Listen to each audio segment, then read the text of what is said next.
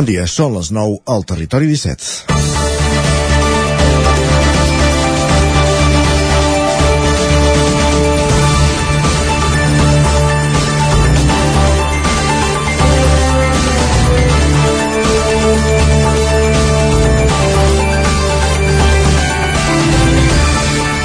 La Generalitat assumirà el 80% dels costos a les escoles bressol rurals a Catalunya de tots els pobles de menys de 2.500 habitants. És el que va explicar el president del govern, Pere Aragonès, durant la visita que va fer divendres a l'Estany, al Moianès. De fet, a comarques com aquesta, el Ripollès o Osona, hi ha molts petits municipis, amb o sense servei, actualment d'escola bressol, els qui aquest anunci pot fer despertar el servei. El govern no ve, ho ven com una forma per evitar el despoblament a les zones rurals. Les llars d'infants semblen un objectiu de l'actual govern català, ja que setmanes enrere el mateix Aragonès també va anunciar la gratuïtat de P2 a partir del curs vinent. Veurem quina és l'evolució de tot plegat, però ara per ara denota certa sensibilitat per un servei el, dels qui pots poden posar en dubte la seva necessitat.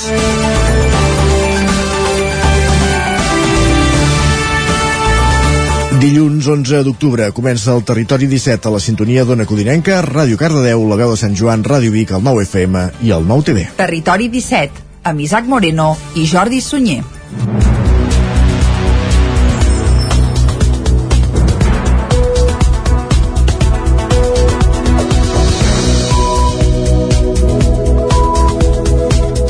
Són les 9 i un minut i mig d'avui, dilluns, dia 11 d'octubre de 2021, dient que, com podeu comprovar, evidentment no fem pont aquí a Territori 17.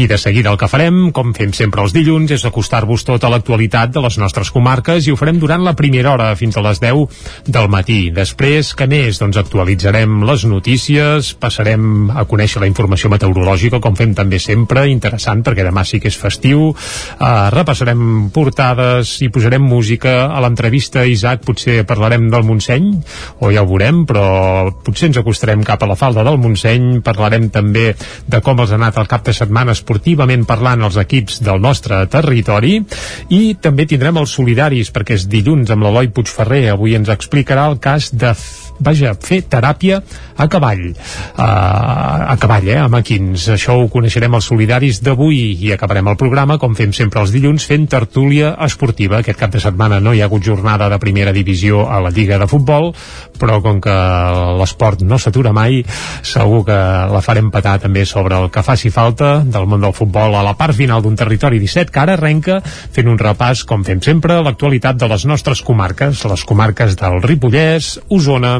el Moianès i el Vallès Oriental.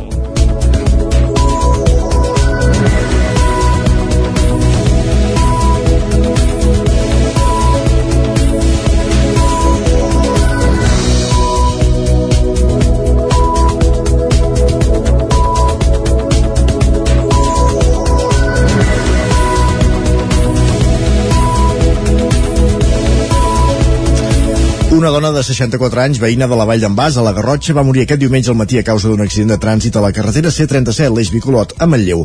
El cotxe que conduïa la víctima va topar frontalment amb un altre turisme pels vols de les 7 del matí al quilòmetre 150 de la carretera al mig de la recta que hi ha entre Manlleu i Torelló. Els Mossos d'Esquadra estan investigant les causes de l'accident. A causa de la topada, la víctima va ser traslladada en estat crític a l'Hospital Universitari de Vic, on va morir posteriorment. El cotxe que conduïa hi viatjava un acompanyant que va resultar ferit, va resultar ferit menys greu i també va ser, va ser traslladat a l'Hospital Bigatà. El conductor de l'altre vehicle implicat va ser evacuat en helicòpter, també en estat crític, a l'Hospital Vall d'Hebron de Barcelona.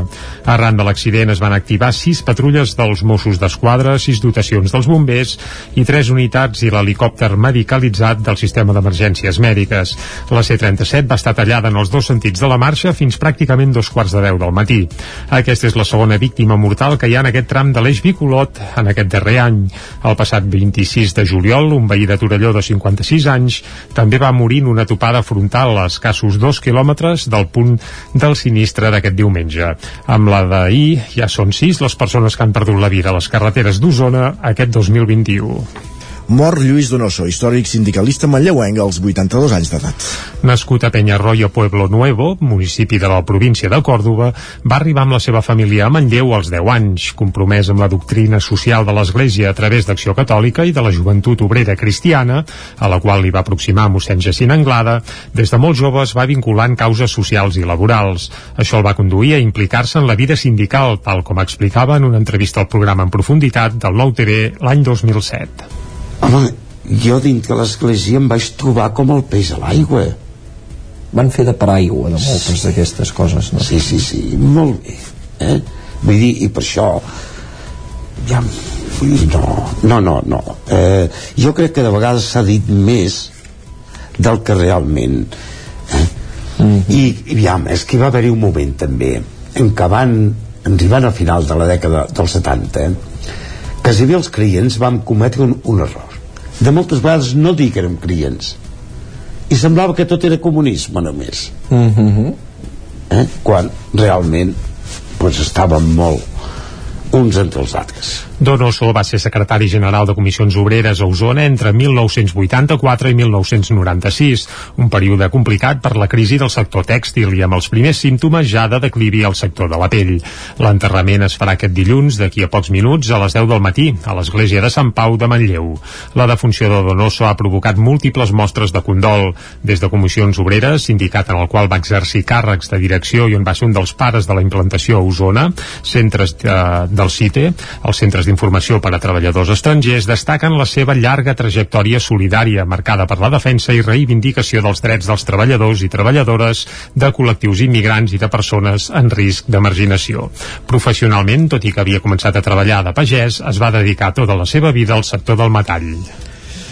Pleguen en bloc cinc dels nous regidors de Santa Eulàlia del Riu Primer. Les cinc persones que renuncien a l'acte expliquen a través d'un comunicat que la decisió és fruit d'una llarga reflexió personal i política i que es basa en una qüestió de fons i de manera d'entendre i aplicar la política. L'alcalde Xavi Rovira els ha agraït públicament la feina feta i ja treballa per buscar relleus. Cinc dels nous regidors que integren l'Ajuntament de Santa Eulàlia de Riu Primer, tots del grup Independents per Riu Primer Acord Municipal, han presentat la seva renúncia a l'acte, un tràmit que es farà efectiu el dia 18 en un ple extraordinari. Es tracta d'un fet insòlid que deixa l'alcalde, Xevi Rovira, amb menys de la meitat dels membres del govern i del consistori, que només integra la seva formació, ja que és l'única que es va presentar a les eleccions del 2019. Aquesta crisi suposarà, per tant, una renovació de mig, de mig executiu, quan encara queda un any i vuit mesos de mandat. Pleguen totes les regidores, Cristina Uriel, Jordina Juventeny, Alba Roura i Ivet Marçal, i un regidor, Martí Oliveres.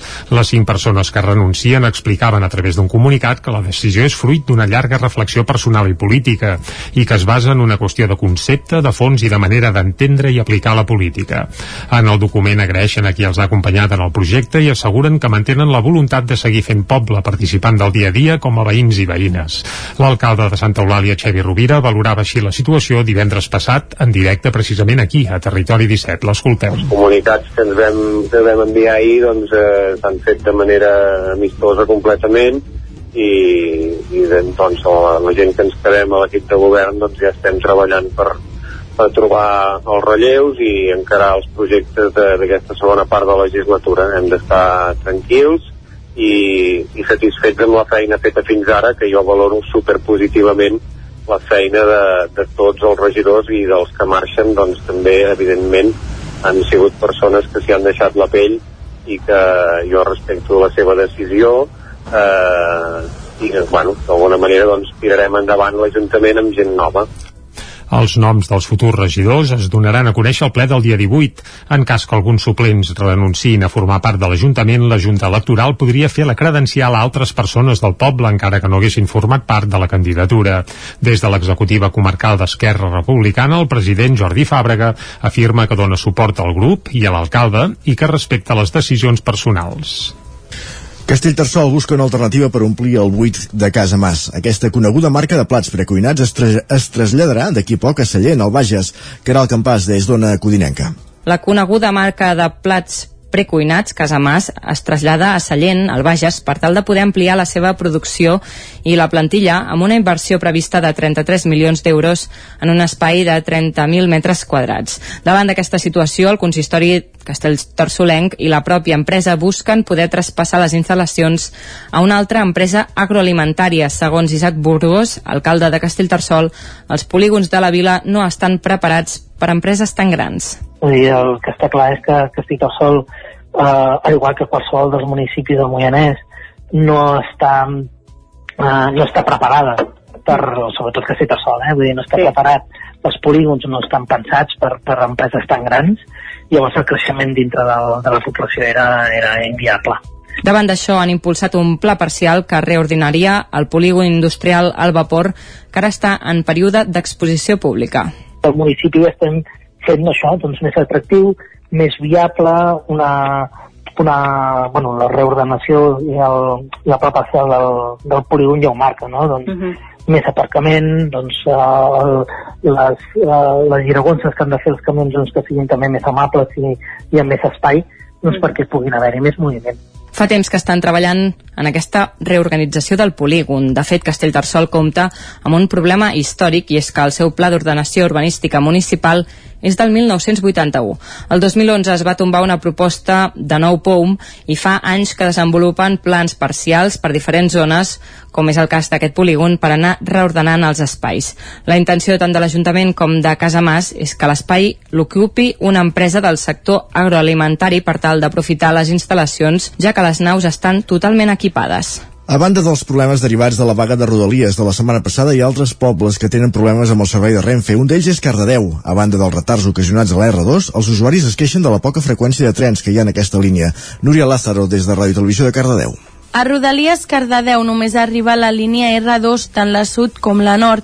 A primera hora del matí és quan més afluència de gent sol haver-hi, però la poca freqüència de trens fa que aquest no sigui el mitjà de transport escollit per anar a la feina per a molts cardedeuencs usuaris del tren. Em sorprèn que des que vaig venir a viure a Cardeu fa 20 anys, més o menys és la mateixa freqüència quan el poble s'ha duplicat o triplicat. Funciona bé, però tindria que haver-hi més freqüència. Segons com, pues, si no pots agafar un, pues, t'esperes mitja hora més. La tornada és complicada. Hi ha retards, coses així, molts cops hi trobes ja trens molt més plens, que costa molt més pujar la bicicleta al tren, no? Vull dir que ho dificulta molt, no? Clar, llavors això fa que la gent agafi el cotxe. La vaga de Rodalies també ha fet que es disminueixi l'afluència de gent a l'estació després d'haver-se passat hores esperant el tren. És el cas de l'Òscar, que aquests dies ha decidit anar a la feina en patinet. Com estem així amb la vaga, eh, em vaig amb el patinet eh, anada i tornada sense, sense pujar al tren. Vaig anar a treballar i al final no, no em puc permetre el luxe de perdre el tren. Sembla que mica en mica torna la normalitat a Rodalies, però la poca freqüència de trens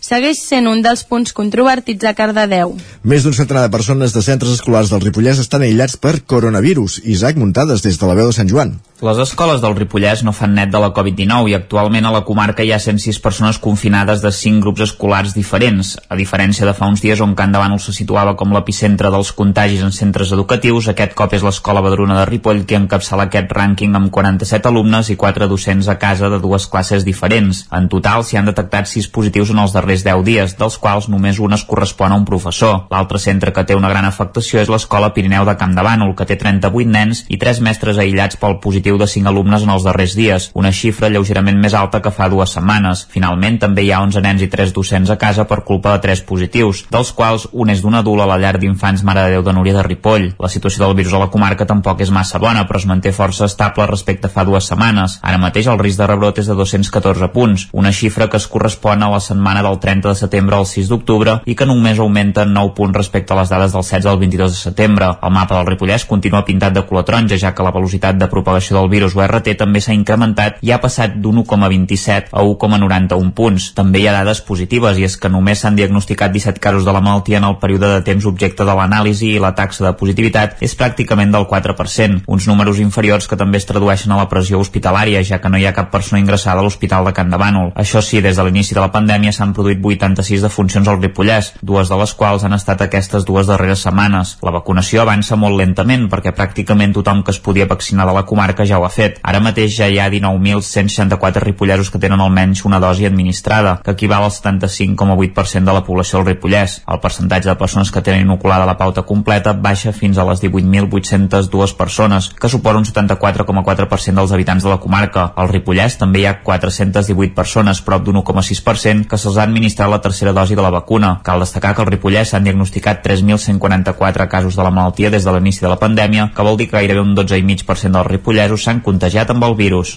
La Universitat de Vic inaugurarà el, curs acadèmic 21-22 aquest proper dimecres en un acte a Manresa que comptarà amb la presència de la consellera de Recerca i Universitats. Durant l'acte també es lliurarà la medalla institucional de la Universitat de la Fundació Ampans. A, la Fundació Ampans es lliurarà la medalla i uh, l'obertura del curs tindrà lloc dimecres a la Universitat de Vic, Universitat Central de Catalunya, però es farà a les 12 del migdia a la sala d'actes de l'edifici principal de la Fundació Universitària del Bages. I el presidirà el rector Josep Aladi Baños, acompanyat de la consellera de Recerca i Universitat, Gemma Geis, i de l'alcalde de Manresa i president del patronat de la Fundació del Bages, Marc Eloi, i també hi serà l'alcaldessa de Vic i presidenta del patronat de la Fundació Universitària Balmes, Anna R, a més de la secretària general de la Universitat, Anna Sabata. Durant la cerimònia es farà el lliurament de la medalla institucional de la Universitat a la Fundació Ampans per la seva llarga trajectòria de col·laboració amb la institució universitària. També es projectarà la videomemòria del curs anterior i Antoni Tort, director de l'Escola de Doctorat, impartirà la lliçó inaugural titulada Estudis de Doctorat, notes per a un aniversari, fent referència al desè aniversari de l'Escola de Doctorat que es commemora aquest any. L'acte es completarà amb el lliurament de les insígnies a les persones que jubilen, el lliurament dels premis extraordinaris i una breu actuació musical a càrrec d'Anna Soler Comas.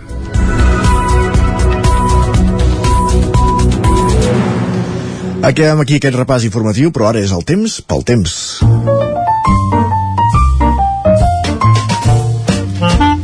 Casa Terradellos us ofereix el temps.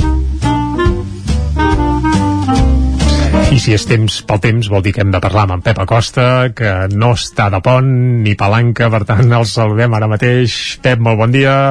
Hola, molt bon dia. I molt bona hora. Benvinguts a l'Espai del Temps. Espero que hagi tingut un molt bon cap de setmana i enhorabona als que avui feu pont i també enhorabona als que avui treballeu. Sempre s'ha de ser Gràcies, gràcies. eh, positiu. Uh, deixant un cap de setmana amb pocs ingredients meteorològics, una mica de núvols al prelitoral, molt sol interior, una mica fresca a les nits, suavitat de dia, i és que tenim el panorama molt, molt encallat, eh? Hi ha un enorme, un enorme anticicló, per, no, no, això no, un enorme anticicló al centre d'Europa que ens domina completament. Uh, només cap a Itàlia, els Balcans, hi ha pluges importants, però aquí no, no, no, no hi ha manera, eh? Aquí no tenim cap indici de precipitació els pròxims dies, moltíssima tranquil·litat. I és que és el que tenim avui, eh, hi ha molt de pressa perquè és que no, no, no hi ha, el que deia, no hi ha cap moviment. Aquesta nit ha fet una mica més de fred, les mínimes han baixat per sota dels 10 graus en moltes poblacions, per sota dels 5 al Pirineu, és un fred bastant normal per aquestes dates, poder una mica més del normal, però molt, molt poc més. De dia, molt de sol, les temperatures molt suaus, la majoria entre els 20 i els 25 graus de màxim al migdia s'hi estarà molt, molt bé. I demà és festa, el dia 12 és, és festiu, eh, no variarà gairebé ni una coma el panorama.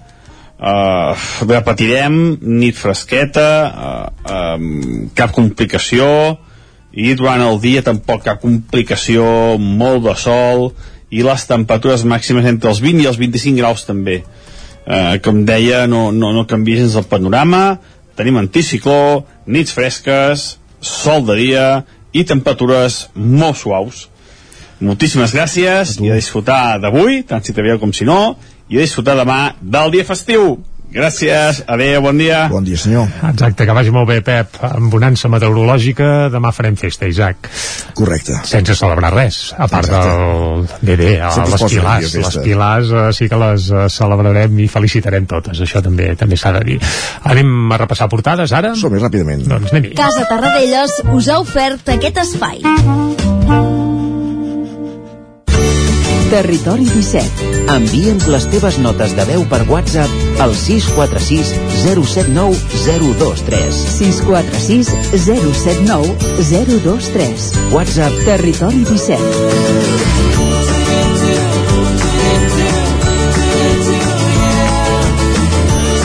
Territori 17. Som a Facebook, Twitter i Instagram amb l'usuari Territori 17.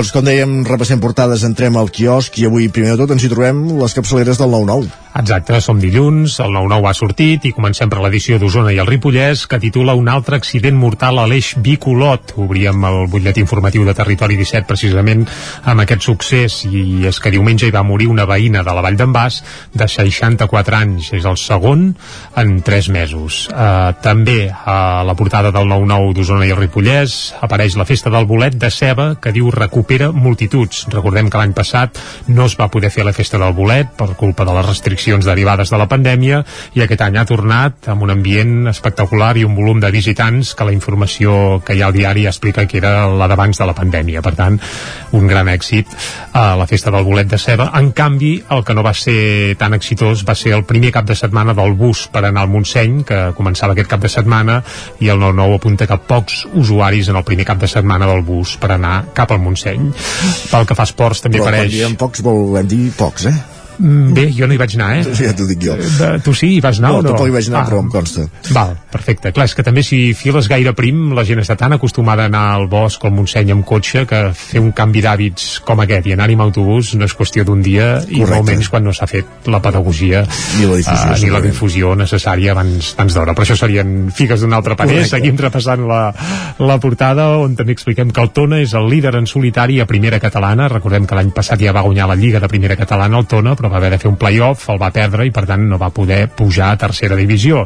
Doncs ahir va guanyar per 2 a 1 el derbi amb el Vic Riu primer, uh, però bé, més, més esport el repassarem quan toqui. És a dir, d'aquí una hora eh, llarga aquí a Territori 17 on farem el repàs esportiu de com els han anat els equips del nostre territori el cap de setmana. Anem ara cap al Vallès Oriental el 9-9 també obre explicant que assalten una botiga del centre de Granollers amb el mètode del Botró Uh, el metro de, del Botró consisteix en accedir-hi fent un forat a l'edifici del costat, per exemple, que és el que van fer aquests lladres per assaltar aquesta botiga de, de Granollers. La fotografia és per Parets del Vallès, que expliquen Parets referma el record a Sergi Mingote, aquest alpinista que també va ser alcalde, recordem-ho, de Parets del Vallès, doncs aquest cap de setmana es va estrenar una escultura eh, en homenatge a Mingote, que diuen culmina una diada de l'esport inclusiu que homenatge a l'alpinista. Eh, més informacions al 9-9 del Vallès Oriental, control a l'oci nocturn. I efectius dels Mossos, policia estatal i policies locals, es veu que van entrar a, locals de Granollers i les Franqueses per controlar que s'estigués fent tot com tocava eh, aquest cap de setmana que ja es podia anar de festa i a les discoteques fins a les 6 de la matinada. I també apareix a la portada del 9-9 del Vallès que els caps d'infermeria, els impulsors d'un Codines i el president d'Amics del Xiprer són els candidats a Vallèsar de l'any. Eh, el 22 d'octubre finali, bueno, la gala a l'Aliança de Lliçà damunt. Aquesta gala que es podrà seguir més en directe per, a través de xarxes, per tant, eh, tothom que vulgui la podrà seguir. A través del 99.cat, molt bé. Exacte. Eh, anem a anem a les repassar portades d'àmbit nacional. avui. El punt avui, re resistir la crisi de les matèries primeres i expliquen que la falta de material fa que les empreses hagin de buscar elements substitutius. Alerten que la situació no és assumible a llarg termini per la pujada de preus i també que l'escassetat s'assuma els efectes post-pandèmia i els problemes amb el transport. Uh, tot això, el titular d'avui del punt avui, on també uh, Covid, tercer pic mortal de la història i expliquen que la pandèmia ja és la tercera causa de defuncions a Barcelona, més bèstia després de la Guerra Civil i la grip espanyola. És a dir, el pic de, de mortalitat que s'ha establert aquests dos anys no tenia cap altre antecedent si hem de recular això a la Guerra Civil o a la grip espanyola de principis del segle passat. A la llibertat del Bulli va canviar la gastronomia, una entrevista en exclusiva a Ferran Adrià, que també apareix al, al punt avui. Anem cap a l'ara, que titulen la, el Covid dispara la mortalitat a Barcelona un 32%. Seguint en la tònica que també veiem al punt avui, expliquen que el 2020 hi va haver 18.968 morts a Barcelona, quan l'estadística se situava sempre per sota dels 15.000. Per tant, podem interpretar que tots aquests que hi ha de més doncs, seria a causa de la Covid-19. També expliquen que un 78% més d'accidents a l'AP7 des que no hi ha peatges. Un 78% és una eh? bestiesa, eh? Déu-n'hi-do, Déu-n'hi-do. Clar, es nota que la gent... És... L'increment de trànsit i, i ara ho veiem també eh, reflectit amb accidents. És gratis, doncs cap a l'autopista, l'AP7 ho han notat. Eh? Anem a l'avantguàrdia. Va, el cibercrim creix un 40%, però només es deté un 5% dels seus autors. Això expliquen a l'avantguàrdia i la foto la dediquen a l'èxit de l'automòbil és que no sé ni com es titula, eh? el saló de l'automòbil automòbil, ara es diu, sí, exacte doncs ratllant-se a la fira i també una altra foto que parla d'Espanya, que es veu que ahir va fer un partit contra França i va guanyar a França 1 a 2. Ui, ui, però va ser un escàndol es veu, eh? Sí, ui, ui, sí, sí. la veritat ja, ja és que no, no ho vaig seguir, ja, ja ens explicarà, doncs ja ens explicarà, però vaja, una gran Espanya perd en polèmica contra França. Ara tampoc sé si muntades és d'aquells del Madrid, que com que juga mig Madrid en França, anaven en França, eh? també és un altre... Bé, és que a vegades allò per no anar a Espanya vas en França, però no saps què és no. foc i brases, eh? Ara no, dius, bueno, que, que empatin a zero i que, però, però clar, però no sembla que són motius totalment allunyats, diguéssim, en aquest cas. Uh, no farem cap més comentari futbolístic, això a la part final del programa d'avui. Va, anem al periòdico ràpidament. La falta de proveïment amenaça de greujar la crisi energètica. Per cert, que al periòdico, la portada en català, s'han colat una lletra, per tant, hi ha una ai, falta aquí, el titular amenaça. Amenaça, bé, tant és. Ah, d'acord, els hi falta una Sí, els hi falta una lletra. Tenien gana, era hora de per fer la portada. Sí, sí, i devien fer devien fer pont alguns Va. correctors. Va, una gitana sense límits a la foto, eh? Paula Heredia, campiona d'Europa de... Ostres, la veritat és que l'esport Twinking eh, defensa el somni d'anar a uns jocs des del barri del Gornal de Barcelona. Bé, un esport que descobrireu què és. Si aneu a la portada del periòdico. Va, ràpidament, ràpidament portades. Va, no. mirarem, va, comencem pel país. Els carrers de Polònia reivindiquen el seu europeisme amb una foto amb una bandera de Polònia i una d'Europa juntetes. França s'imposa a l'esperança espanyola. Vinga, anem cap al mundo. No, anem a la raó ara, va, Sánchez només vol donar diners a Esquerra i al PNB a canvi del seu recolzament recolzament. Això és el titular de la Razón. Que... Estem parlant de pressupostos, Exacte, suposo. evidentment. I a l'ABC, va, Sánchez obligat a explicar els seus viatges privats en el Falcó. El Falcó és el nom de l'avió que el porta d'excursió L'Air Force One espanyol, vaja. Correcte, però la foto és per a Bascal, que diu exhibeix l'ideari més beligerant de Vox. I és que ahir va fer, va fer una espècie de míting on es va deixar anar i clar, com que el PP la setmana passada ho va fer a, a la plaça de Toros i déu nhi com les va deixar anar, havia dit, doncs per xulo jo més, i ahir eh, l'ABC va recollir tot el que va dir. I amb doncs això va, tanquem. va. i fem una pausa, tornem en 3 minuts. El nou FM, la ràdio de casa, al 92.8 OBS, la marca de moda líder a Itàlia, arriba a Vic amb la col·lecció per nens fins a 15 anys. Vesteix els petits amb roba OBS. Peces fabricades amb cotó orgànic pensades especialment per la pell dels infants. El cotó orgànic d'OBS està cultivat sense pesticides i amb un impacte reduït en el medi ambient. OBS, des d'Itàlia per tu. Al carrer Argenters 20 de Vic. El racó de León. Gaudeix de la nostra terrassa. Vine a tastar les xuletilles de lechal a la brasa amb una bona amanida o el xuletón de vedella gallega. No et pots perdre el nostre lechado de Castilla al forn o el cochinillo a l'estil de Segovia, tot acompanyat del millor celler, al menjador o fora la terrassa. Descobreix la millor cuina de Lleó sense moure't de casa. Vine amb la família, els amics, la parella o sol. T'encantarà. El racó de León, cuina tradicional lleonesa i de mercat. Som al carrer Torelló número 35 de Vic. Per reserves, telèfon 93 889 1950. El racó de León, una cuina diferent. Som especialistes en cargols a la llauna. Vine a tastar-los al racó de León. Vols noves sensacions en un ambient dels anys 80? Vine al restaurant 80's Spirit Peak. Emocions i bon menjar. Costelles amb salsa de barbacoa, 8 tipus d'amanides, hamburgueses 100% de carn de vedella, carn a la brasa, pollastre, plats combinats, varietat en tapes, hamburgueses per vegans i vegetarians... Disposem de terrassa amb un ambient acollidor. Descomptes especials per a universitaris. 80's Spirit Peak. Ens trobaràs a la plaça de la Pietat 2 de Vic. Reserves al 93 679 44 43. Això és el que s'escolta al voltant d'una caldera saunia d'Oval. Tranquil·litat i benestar, perquè gaudeix del millor manteniment del servei tècnic oficial per estar despreocupat.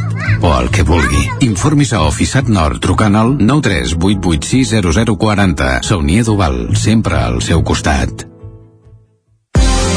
Cefosol, centre de formació de soldadura GURB. Som especialistes en processos de soldadura. Disposem d'instal·lacions totalment equipades per a classes de teòrica i pràctica amb cabines individuals i equipaments de seguretat. Assessorem empreses i oferim cursos subvencionats i bonificats. Vine i t'informarem. Cefosol, som al carrer Sant Roc número 21 de GURB. Telèfon 664 206 192. També ens trobaràs a cefosol.com i a YouTube. Anuncia't al 9FM. La màquina de casa. 9 3 8 8 9 4 9 4 9 Publicitat arroba al 9FM.cat. Anuncia't al 9FM. La publicitat més eficaç. El 9 FM, el 9 FM, el 9 FM, el 9 FM, el 9 FM.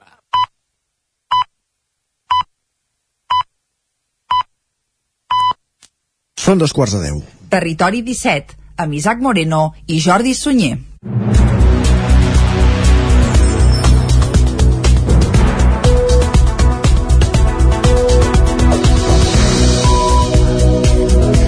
Doncs dos quarts de deu en punt d'avui dilluns dia 11 d'octubre de 2021 i seguim en directe aquí a Territori 17 per acostar-vos de seguida de nou tota l'actualitat de les nostres comarques. Després, a partir de les 10, seguirem amb més informació, entrevista, taula de redacció, repàs esportiu, sabrem com els ha anat el cap de setmana els principals equips del nostre territori. Uh, també tindrem avui els solidaris amb l'Eloi Puigferrer, ens acompanya cada dilluns i avui Teràpia serà...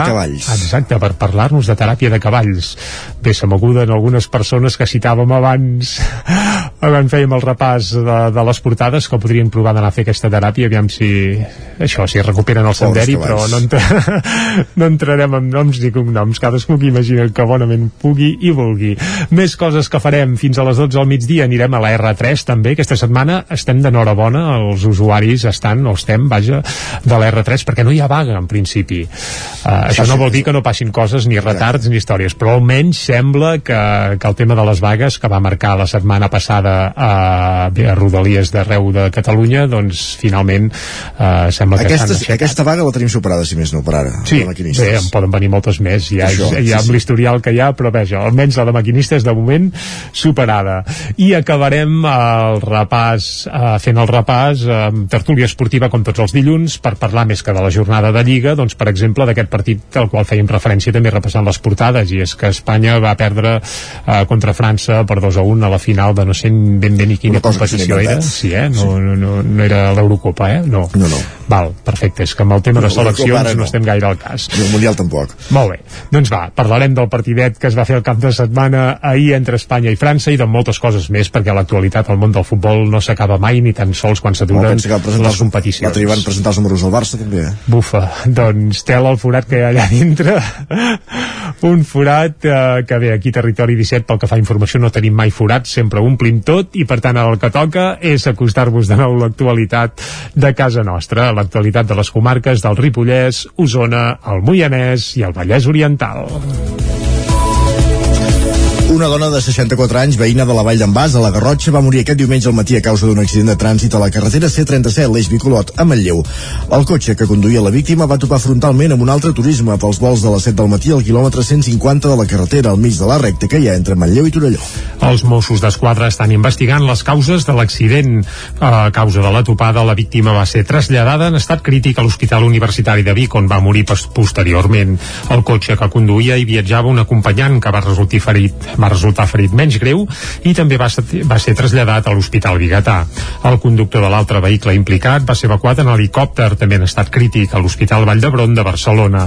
Arran de l'accident es van activar sis patrulles dels Mossos d'Esquadra, sis dotacions dels bombers i tres unitats i l'helicòpter medicalitzat del sistema d'emergències mèdiques. La C-37 va estar tallada en els dos sentits de la marxa fins pràcticament dos quarts de deu del matí. Aquesta és la segona víctima mortal que hi ha en aquest tram de l'eix Bicolot en aquest darrer any. El passat 26 de juliol, un veí de Torelló de 56 anys també va morir en una topada frontal a escassos dos quilòmetres del punt del sinistre d'aquest diumenge. Amb la d'ahir ja són sis les persones que han perdut la vida a les carreteres d'Osona aquest 2021. Mor Lluís Donoso, històric sindicalista manlleuenc als 82 anys d'edat. Nascut a Peñarroyo, Pueblo Nuevo, municipi de la província de Còrdoba, va arribar amb la seva família a Manlleu als 10 anys, compromès amb la doctrina social de l'Església a través d'Acció Catòlica i de la Joventut Obrera Cristiana, a la qual li va aproximar mossèn Jacint Anglada, des de molt jove va vincular en causes socials i laborals. Això el va conduir a implicar-se en la vida sindical, tal com explicava en una entrevista al programa en profunditat del Nou TV l'any 2007. Home, jo dins de l'església em vaig trobar com el peix a l'aigua. Van fer de paraigua de moltes d'aquestes coses, no? Sí, sí, sí, molt bé. Eh? Vull dir, i per això ja, no, no, no, no. Eh, jo crec que de vegades s'ha dit més del que realment eh? Mm -hmm. I, i aviam, és que va haver-hi un moment també en què van arribant al final de la dècada dels 70 eh, que si bé els clients vam cometre un, un error de moltes vegades no dir que érem clients i semblava que tot era comunisme només mm -hmm. eh? quan realment doncs estàvem molt uns entre els altres. Donoso va ser secretari general de Comissions Obreres a Osona entre 1984 i 1996, un període complicat per la crisi del sector tèxtil i amb els primers símptomes ja de declivi al sector de la pell. L'enterrament es farà aquest dilluns d'aquí a pocs minuts a les 10 del matí a l'església de Sant Pau de Manlleu. La defunció de Donoso ha provocat múltiples mostres de condol, des de Comissions Obreres, sindicat en el qual va exercir càrrecs de direcció i on va ser un dels pares de la implantació a Osona, centres de, de del CITE, els centres d'informació per a treballadors estrangers destaquen la seva llarga trajectòria solidària marcada per la defensa i reivindicació dels drets dels treballadors i treballadores de col·lectius immigrants i de persones en risc de marginació. Professionalment, tot i que havia començat a treballar de pagès, es va dedicar tota la seva vida al sector del metall. Pleguen en bloc cinc dels nous regidors de Santa Eulàlia del Riu Primer. Les cinc persones que renuncien a l'acte expliquen a través d'un comunicat que la decisió és fruit d'una llarga reflexió personal i política i que es basa en una qüestió de fons i de manera d'entendre i aplicar la política. L'alcalde Xevi Rovira els ha agraït públicament la feina feta i ja treballa per buscar relleus. Cinc dels nous regidors que integren l'Ajuntament de Santa Eulàlia de Riu Primer, tots del grup Independents per Riu Primer Acord Municipal, han presentat la seva renúncia a l'acte, un tràmit que es farà efectiu el dia 18 en un ple extraordinari. Es tracta d'un fet insòlid que deixa l'alcalde, Xevi Rovira, amb menys de la meitat dels membres del govern i del consistori, que només integra la seva formació, ja que és l'única que es va presentar a les eleccions del 2019. Aquesta crisi suposarà, per tant, una renovació de mig, de mig executiu, quan encara queda un any i vuit mesos de mandat. Pleguen totes les regidores, Cristina Uriel, Jordina Juventeny, Alba Roura i Ivet Marçal, i un regidor, Martí Oliveres. Les cinc persones que renuncien explicaven a través d'un comunicat que la decisió és fruit d'una llarga reflexió personal i política i que es basa en una qüestió de concepte, de fons i de manera d'entendre i aplicar la política. En el document agraeixen a qui els ha acompanyat en el projecte i asseguren que mantenen la voluntat de seguir fent poble participant del dia a dia com a veïns i veïnes. L'alcalde de Santa Eulàlia, Xevi Rovira, valorava així la situació divendres passat en directe precisament aquí, a Territori 17. L'escoltem. Els comunicats que ens vam, que vam enviar ahir doncs, eh, s'han fet de manera amistosa completament i, i doncs la, la gent que ens quedem a l'equip de govern doncs ja estem treballant per, per trobar els relleus i encarar els projectes d'aquesta segona part de la legislatura. Hem d'estar tranquils i, i satisfets amb la feina feta fins ara, que jo valoro superpositivament la feina de, de tots els regidors i dels que marxen, doncs també, evidentment, han sigut persones que s'hi han deixat la pell i que jo respecto la seva decisió, eh, i bueno, d'alguna manera doncs, tirarem endavant l'Ajuntament amb gent nova. Els noms dels futurs regidors es donaran a conèixer al ple del dia 18. En cas que alguns suplents renunciïn a formar part de l'Ajuntament, la Junta Electoral podria fer la credencial a altres persones del poble, encara que no haguessin format part de la candidatura. Des de l'executiva comarcal d'Esquerra Republicana, el president Jordi Fàbrega afirma que dona suport al grup i a l'alcalde i que respecta les decisions personals. Castellterçol busca una alternativa per omplir el buit de Casa Mas. Aquesta coneguda marca de plats precuinats es, tra es traslladarà d'aquí poc a Sallent, al Bages, que era el campàs des d'Ona Codinenca. La coneguda marca de plats precuinats, Casamàs es trasllada a Sallent, al Bages, per tal de poder ampliar la seva producció i la plantilla amb una inversió prevista de 33 milions d'euros en un espai de 30.000 metres quadrats. Davant d'aquesta situació, el consistori Castellterçolenc i la pròpia empresa busquen poder traspassar les instal·lacions a una altra empresa agroalimentària. Segons Isaac Burgos, alcalde de Castellterçol, els polígons de la vila no estan preparats per a empreses tan grans. Vull dir, el que està clar és que Castellterçol, eh, al igual que qualsevol dels municipis del Moianès, no està, eh, no està preparada per, sobretot Castellterçol, eh? vull dir, no està sí. preparat els polígons no estan pensats per, per empreses tan grans i llavors el creixement dintre de, de la població era, era inviable. Davant d'això han impulsat un pla parcial que reordinaria el polígon industrial al vapor que ara està en període d'exposició pública. El municipi estem fent això doncs, més atractiu, més viable, una, una, bueno, la reordenació i el, la pla parcial del, del polígon ja ho marca, no? Doncs, uh -huh. més aparcament, doncs, uh, les, uh, les giragonses que han de fer els camions doncs, que siguin també més amables i, i amb més espai, doncs, uh -huh. perquè puguin haver-hi més moviment. Fa temps que estan treballant en aquesta reorganització del polígon. De fet, Castellterçol compta amb un problema històric i és que el seu pla d'ordenació urbanística municipal és del 1981.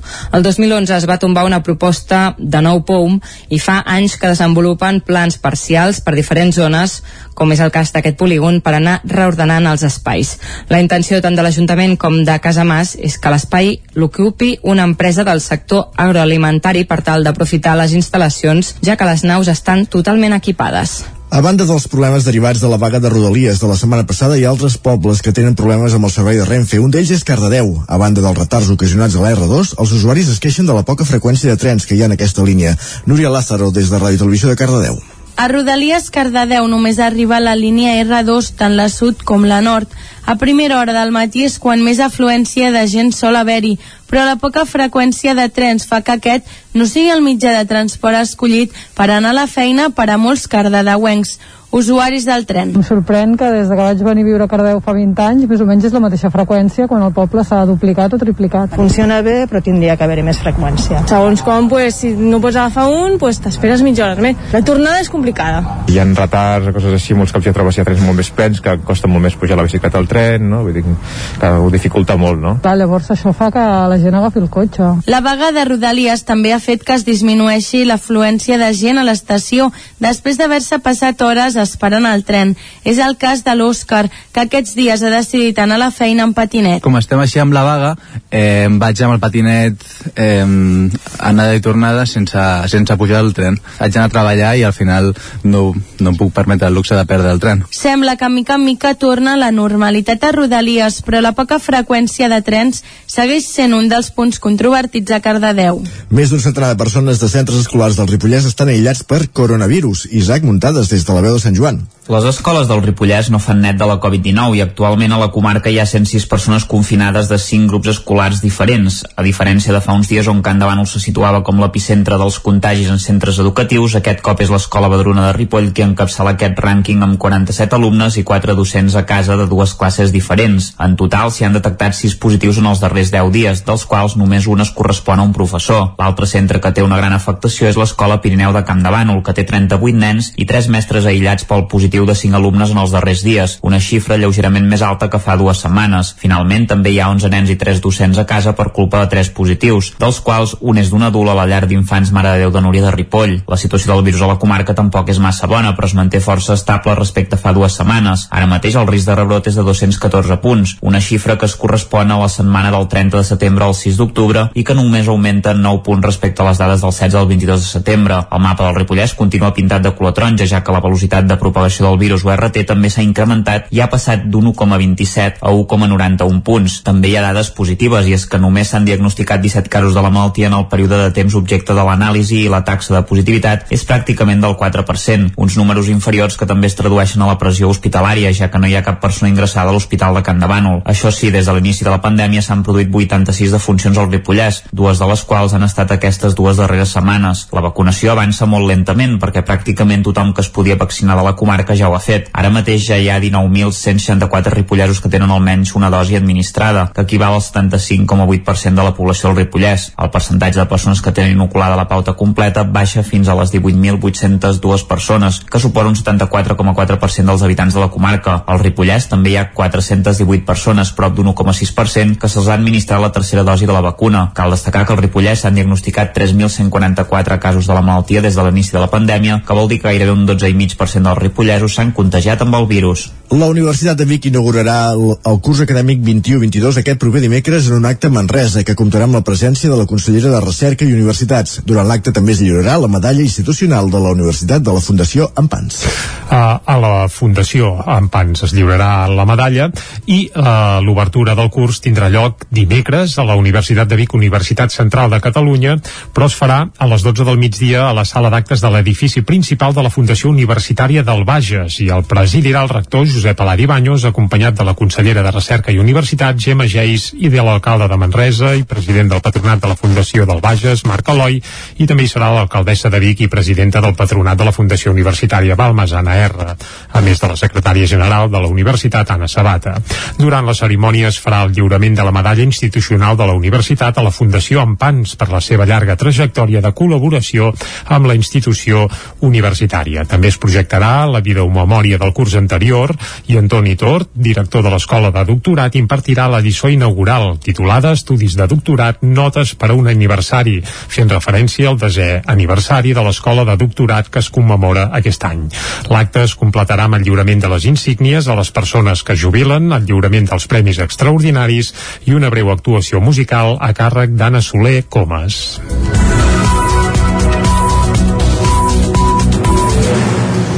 Acabem aquí aquest repàs informatiu, però ara és el temps pel temps.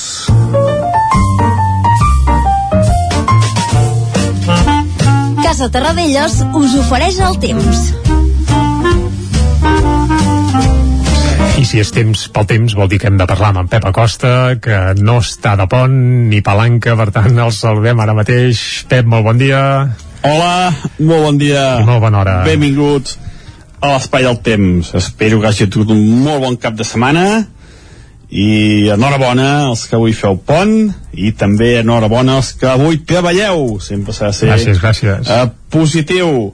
Uh, deixant un cap de setmana uh, pocs ingredients meteorològics, una mica de núvols al prelitoral, molt sol interior, una mica fresca a les nits, suavitat de dia, i és que tenim el panorama molt, molt encallat, eh? Hi ha un enorme, un enorme anticicló, per tot, no, no, per tot això no, un enorme anticicló al centre d'Europa que ens domina completament.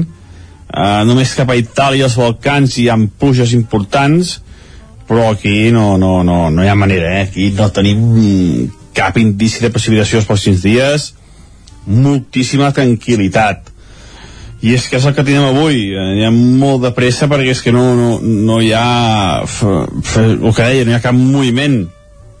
Aquesta nit per fer una mica més de fred. Les mínimes han baixat per sota dels 10 graus en moltes poblacions, per sota dels 5 al Pirineu. És un fred bastant normal per aquestes dates, poder una mica més del normal però molt, molt poc més de dia molt de sol, les temperatures molt suaus, la majoria entre els 20 i els 25 graus de màxim al migdia s'hi estarà molt, molt bé.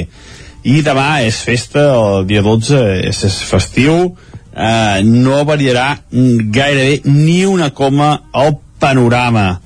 Uh, repetirem, nit fresqueta, uh, um, cap complicació, i durant el dia tampoc cap complicació, molt de sol, i les temperatures màximes entre els 20 i els 25 graus també. Eh, com deia no, no, no canvia gens el panorama. Tenim anticicló, nits fresques sol de dia i temperatures molt suaus. Moltíssimes gràcies. I a disfrutar d'avui, tant si t'avieu com si no i a disfrutar demà del dia festiu Gràcies, adéu, bon dia. Bon dia, senyor. Exacte, que vagi molt bé, Pep. Amb bonança meteorològica, demà farem festa, Isaac.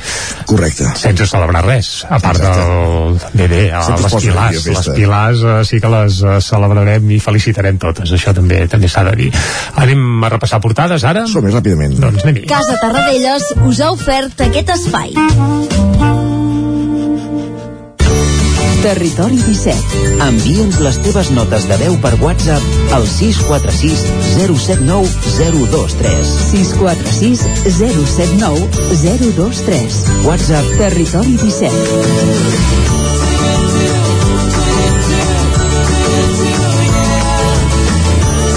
Territori 17. Som a Facebook, Twitter i Instagram amb l'usuari Territori 17.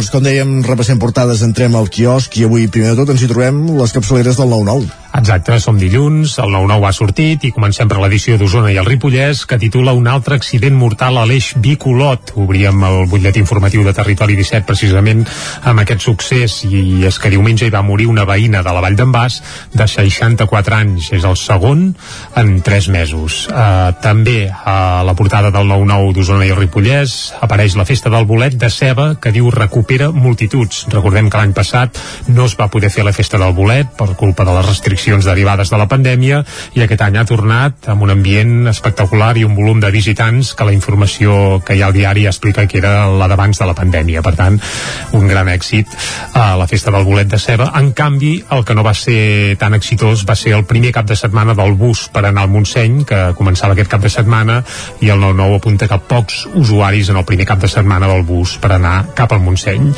Pel que fa a esports també Però apareix... diem pocs volem dir pocs, eh? Mm, Bé, jo no hi vaig anar, eh? Ja t'ho dic jo. Eh, Tu sí, hi vas anar No, o no? tampoc hi vaig anar, però em consta. Val, perfecte. Clar, és que també si files gaire prim, la gent està tan acostumada a anar al bosc o al Montseny amb cotxe que fer un canvi d'hàbits com aquest i anar-hi amb autobús no és qüestió d'un dia i Correcte. molt menys quan no s'ha fet la pedagogia Ni la difusió, eh, ni la difusió necessària abans, abans d'hora. Per això serien figues d'un altre paner. Correcte. Seguim repassant la, la portada on també expliquem que el Tona és el líder en solitari a primera catalana. Recordem que l'any passat ja va guanyar la Lliga de primera catalana el Tona, però va haver de fer un play-off, el va perdre i per tant no va poder pujar a tercera divisió.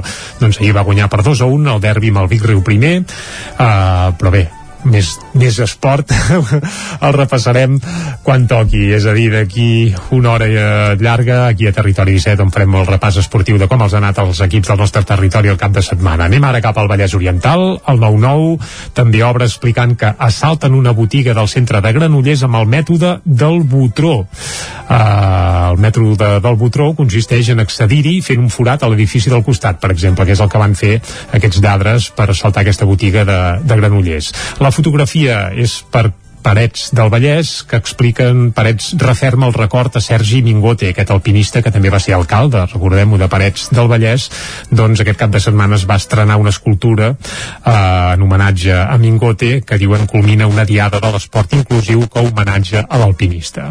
Eh, més informacions al 9-9 del Vallès Oriental, control a l'oci nocturn. I efectius dels Mossos, policia estatal i policies locals, es veu que van entrar a, a locals de Granollers i les Franqueses per controlar que s'estigués fent tot com tocava eh, aquest cap de setmana que ja es podia anar de festa i a les discoteques fins a les 6 de la matinada.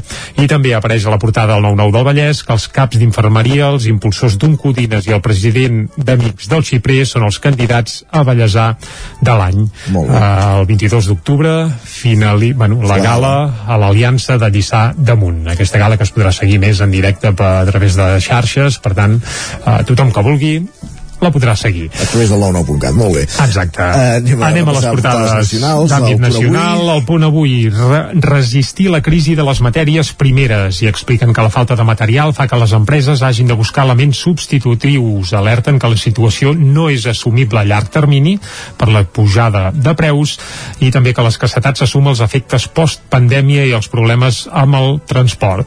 Uh, tot això el titular d'avui del punt avui, on també uh, Covid, tercer pic mortal de la història. I expliquen que la pandèmia ja és la tercera causa de defuncions a Barcelona més bèstia després de la Guerra Civil i la grip espanyola. És a dir, el pic de, de mortalitat que s'ha establert aquests dos anys no tenia cap altre antecedent si hem de recular això a la Guerra Civil o a la grip espanyola de principis del segle passat.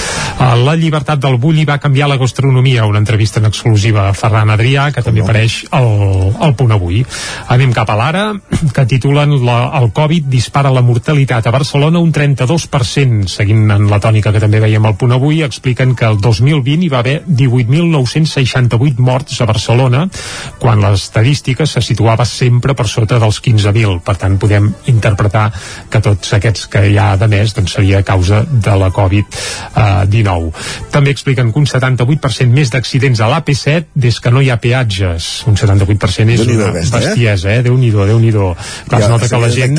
És... L'increment de trànsit i, i ara ho veiem també eh, reflectit amb accidents. És gratis, doncs cap a l'autopista, l'AP7 ho han notat, eh? Anem a l'avantguàrdia, va, el cibercrim creix un 40% però només es deté un 5% dels seus autors.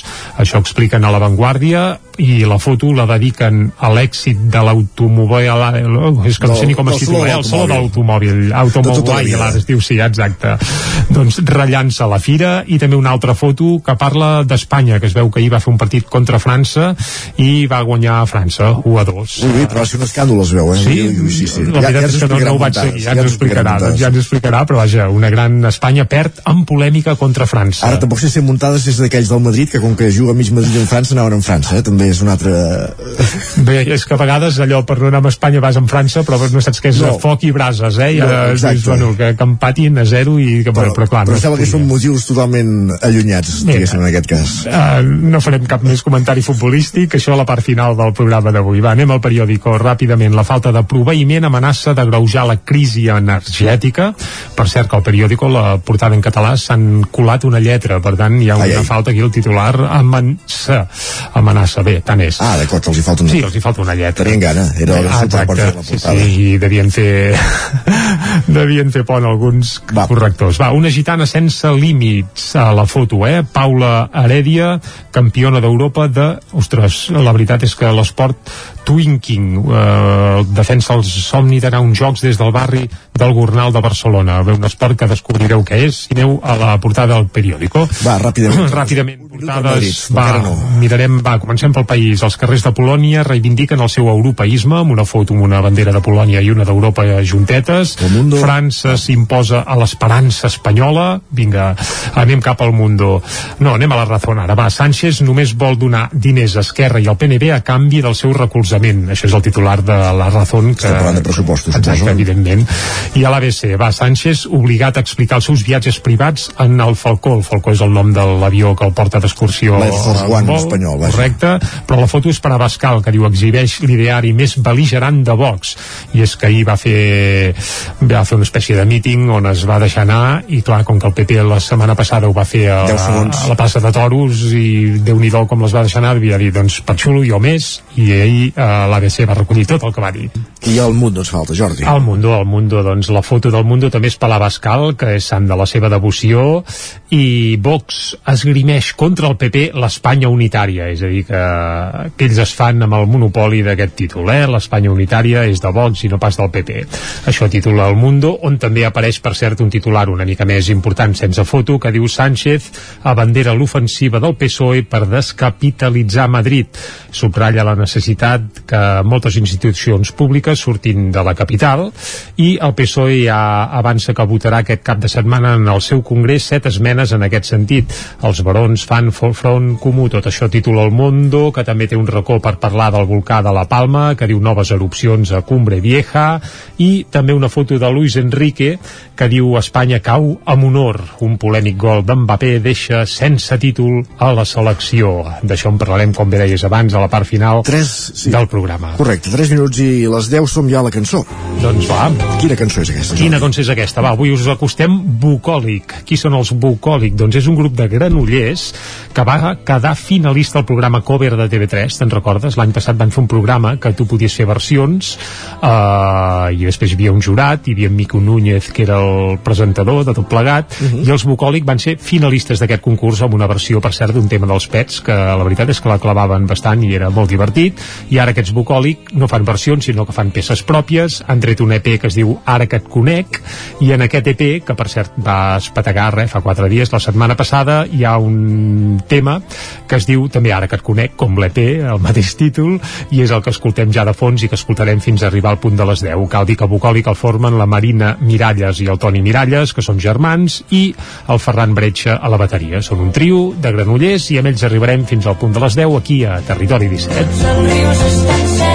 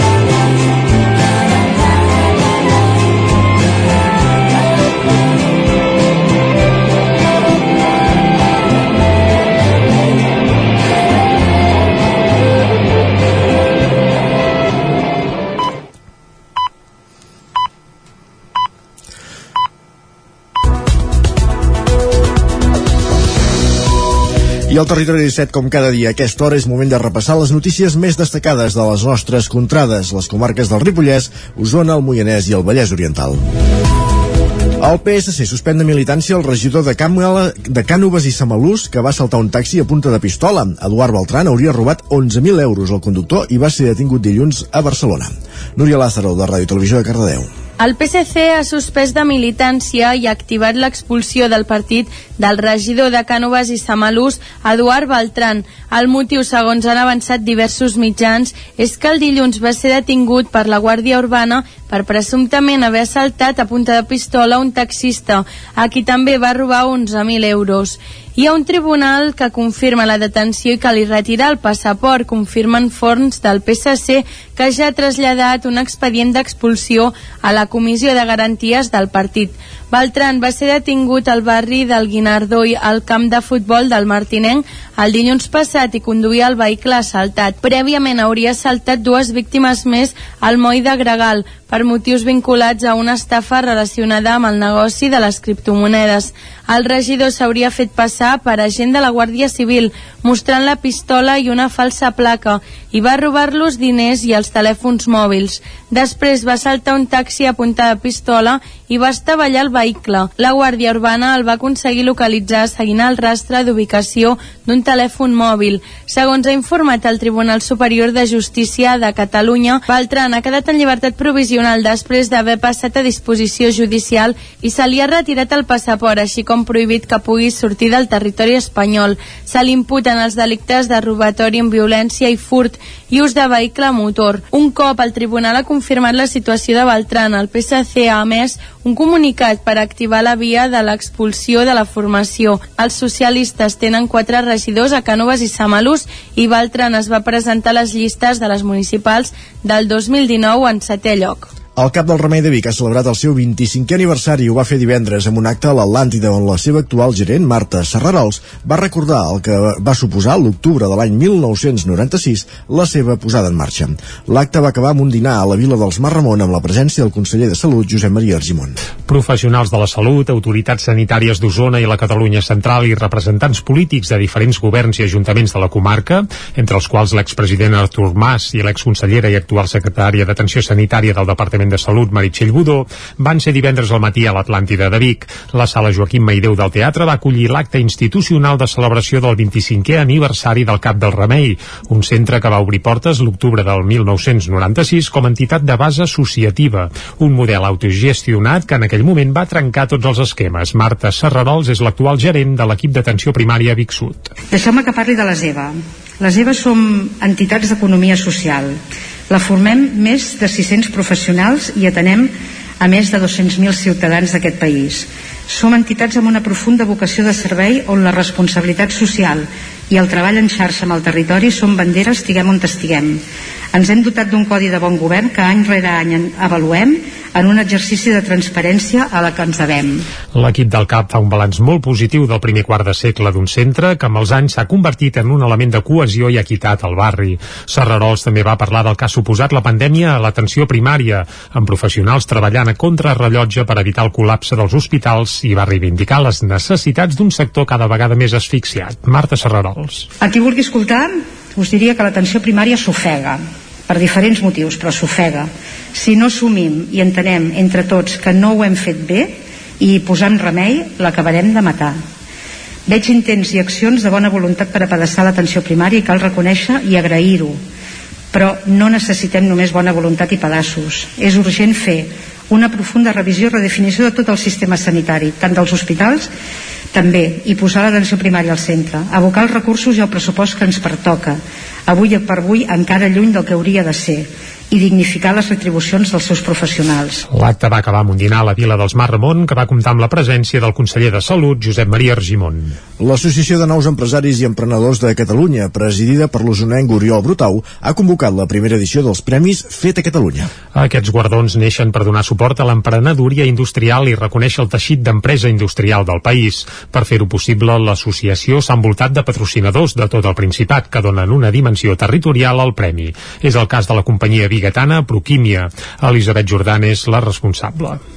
Bueno, quan l'Oriol ens va explicar el projecte, creiem que donar recolzament a empreses de nova creació, a empreses consolidades en productes industrials catalans, doncs era important, no? Però Químia al seu dia ara està a punt de complir els 50 anys, ha tingut una trajectòria i, ostres, tenir recolzaments quan tu estàs començant durant la teva evolució, pues, crec que s'ha de donar visibilitat i havíem de ser-hi com a teixit industrial que som d'aquí, no? I teixit químic. Per tant, vam trobar una bona idea i crec que s'ha de recolzar conjuntament amb altres patrocinadors d'aquest tipus d'activitats, no?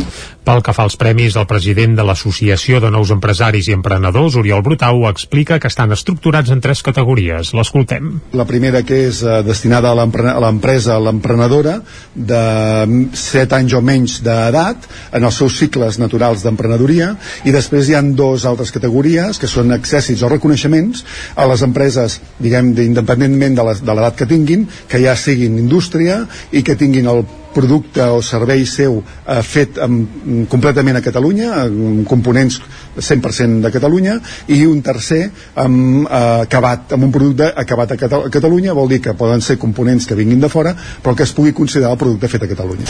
Per presentar-se als Premis Fet a Catalunya hi ha temps fins al 10 de novembre. El primer premi serà de 6.000 euros. La Generalitat assumirà el 80% dels costos a les escoles bressols rurals de Catalunya a tots els pobles de menys de 2.500 habitants. Així ho va explicar el president Pere Aragonès en una visita a l'Estany divendres.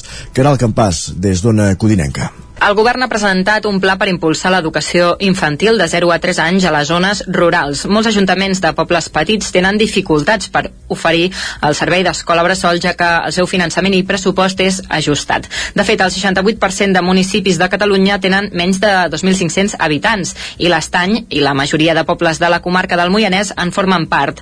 Per això, el govern ha adquirit el compromís d'assumir un elevat percentatge dels costos d'aquestes escoles. Sentim Pere Aragonès.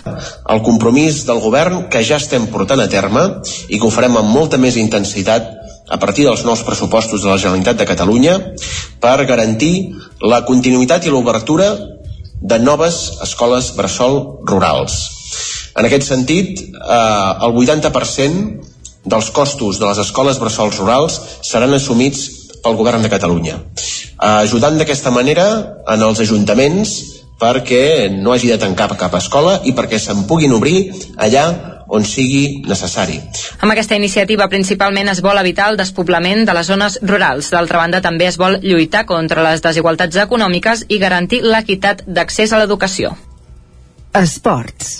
Ripoll contractarà una empresa per solucionar les mancances del servei d'esports. Isaac Muntades, des de la veu de Sant Joan. L'Ajuntament de Ripoll contractarà una empresa perquè faci una auditoria per tal de veure com poden solucionar els problemes que pateixen el servei d'esports del consistori. En la darrera sessió plenària, el regidor d'Esports, Josep Isern, va explicar que ho feien perquè havien detectat unes mancances i que calia posar-hi remei perquè l'àrea esportiva funcionés millor. Podem escoltar-lo. Des de la regidoria d'esports hem vist que bueno, costa molt d'entendre el que ens passa, però ja el funcionament creiem que no és, lo, no és el correcte, tant a nivell de personal com a nivell de, de tracte amb entitats com, a, com d'instal·lacions. Llavors, com que bueno, tampoc sabíem com fer-ho, a tot arreu hi ha un reglament d'ús de les instal·lacions, aquí no hi és. Hem vist diferents coses que ens fan anar malament. No? Llavors hem decidit contractar una empresa que fa aquests estudis i el que ens farà és un estudi de, de veure com podem funcionar més bé amb la gent que tenim, potser inclús recol·locar-ne alguns de diferent manera perquè doncs, el funcionament sigui més correcte, el tracte amb les, amb les entitats que també sigui més correcte i les instal·lacions que puguin funcionar més bé. De cara a la setmana vinent, aquesta empresa s'ha compromès a tenir l'auditoria feta. Isern va comentar que, per exemple, creu que hi ha alguna feina que la duen a terme dues persones que només amb una ja es faria o a la inversa, espais on van més mancats de personal. Pel que fa al reglament d'ús dels equipaments, creu que és necessari perquè es troben que molta gent entra i surt quan vol de les instal·lacions i això caldria regular-ho millor. Un control que passaria perquè les entitats també hi posessin de la seva part. Segurament, quan Isern parlava del funcionament d'algunes instal·lacions, es referia a la piscina municipal del pavelló de la carretera Barcelona, i és que roman tancada molts dies a l'any per avaries o manteniment. El dimarts de la setmana passada es va haver de tancar per fer-hi una reparació. De fet, l'empresa que els hi farà l'auditoria també gestiona la piscina de Torelló. A banda dels problemes recurrents a la piscina, també n'hi ha pel fet que hi ha gent que utilitzi el camp de futbol i entri persones no habilitades per fer-ho. En canvi, també és cert que les activitats esportives del municipi s'han multiplicat aquests darrers anys i Ripoll recentment va acollir el 22è Rally de la Llana amb la presència del pilot belga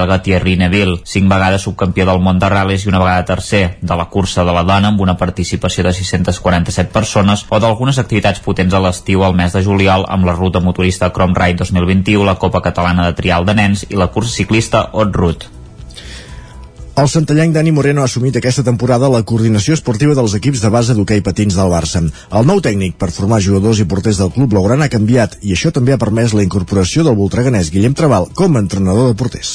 Part de la responsabilitat de formar, de, de formar les joves promeses de l'hoquei patins català que juguen al Barça recau des d'aquest curs en mans usonenques. El santallenc Dani Moreno assumeix ja la tercera temporada al club blaugrana, però enguany assumeix les responsabilitats de coordinador esportiu. A més, també seguirà dirigint l'equip juvenil i estarà a la banqueta del Barça C, que juga a Nacional Catalana. Una sorpresa per ell, però alhora un repte.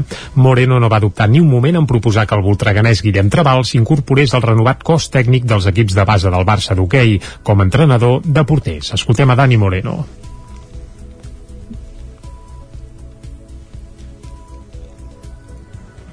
Volíem agafar un perfil de, els perfils d'entrenadors que estiguessin formats en, en ciències de l'activitat física i l'esport que a més a més tinguessin aquesta branca, branca docent.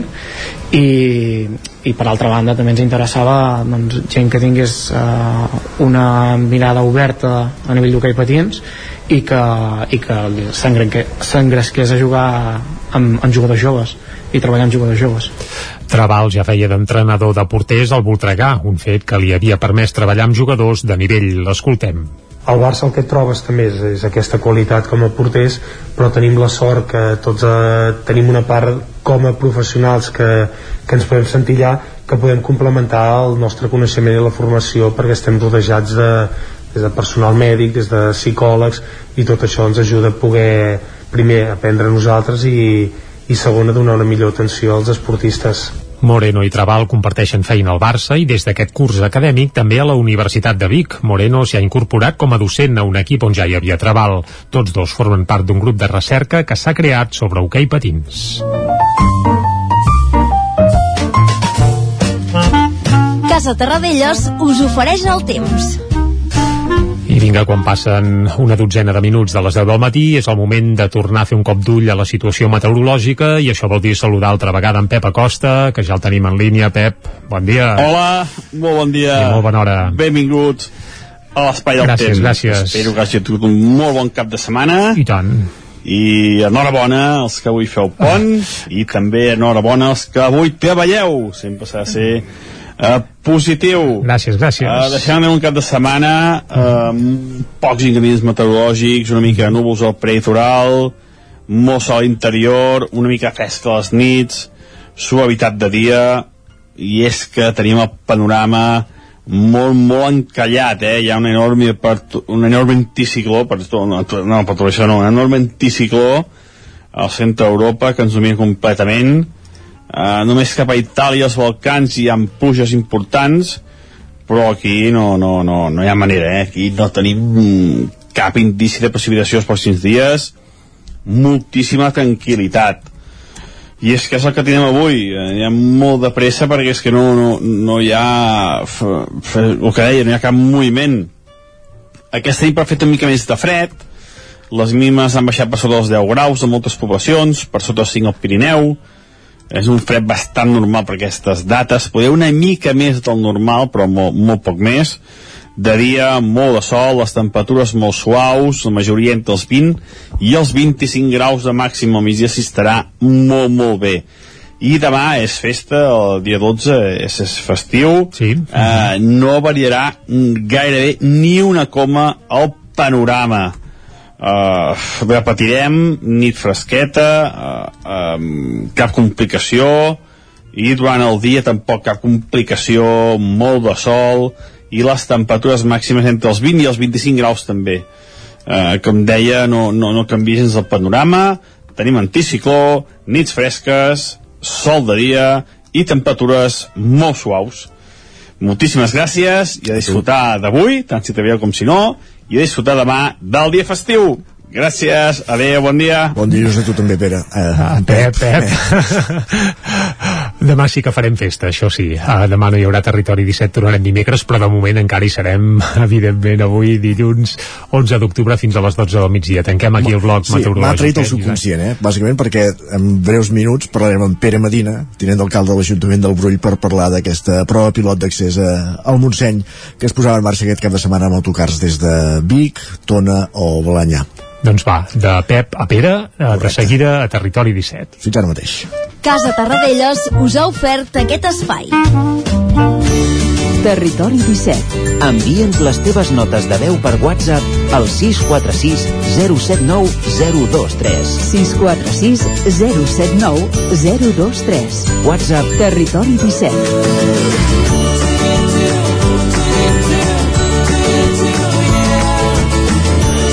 Territori 17. Som a Facebook, Twitter i Instagram amb l'usuari Territori 17.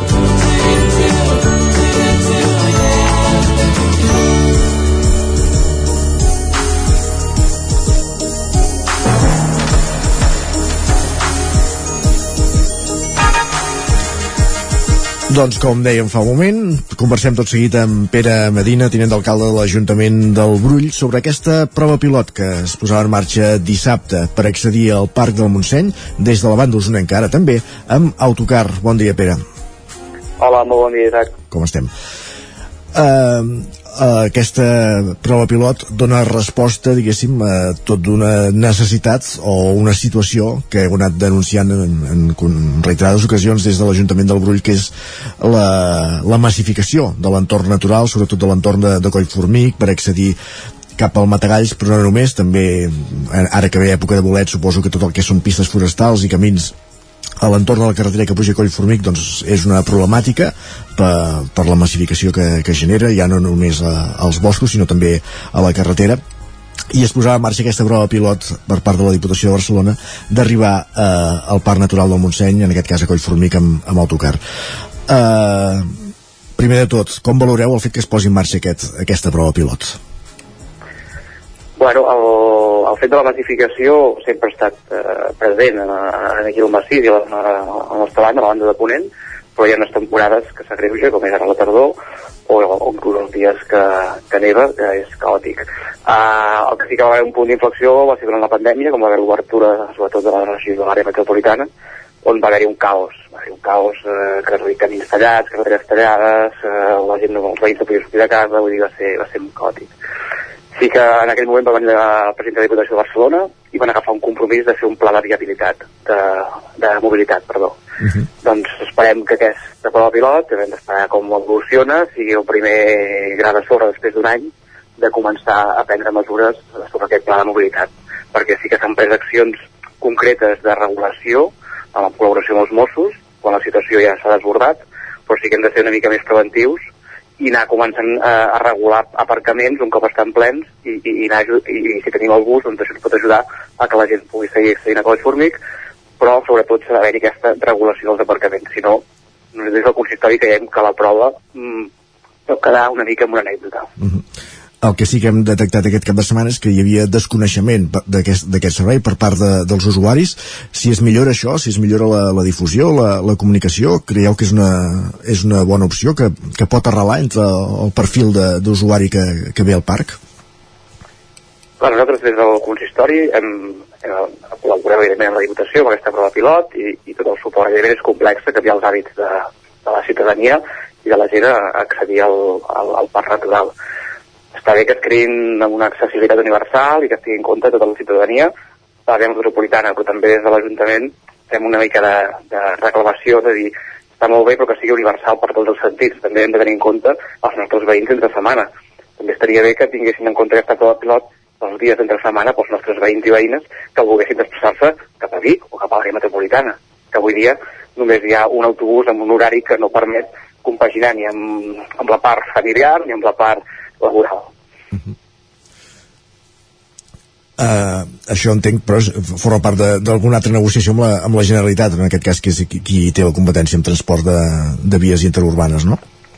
Sí, però ben bé aquesta prova pilot s'ha fet conjuntament amb, amb, amb el servei de, de transport de la Generalitat, s'han aprofitat les vies, els, els serveis les, les parades que dona el servei de la Generalitat, no? Vull dir que està molt bé aquesta visió de, de voler apropar i universalitzar la- l'accés al, al, al medi natural i al Parc Natural del Montseny, de l'àrea metropolitana, però també entenem des del consistori que hauria de ser recíproc i també els nostres veïns i veïnes tenen el mateix dret de poder agafar un autobús al Brull i plantar-se per Catalunya.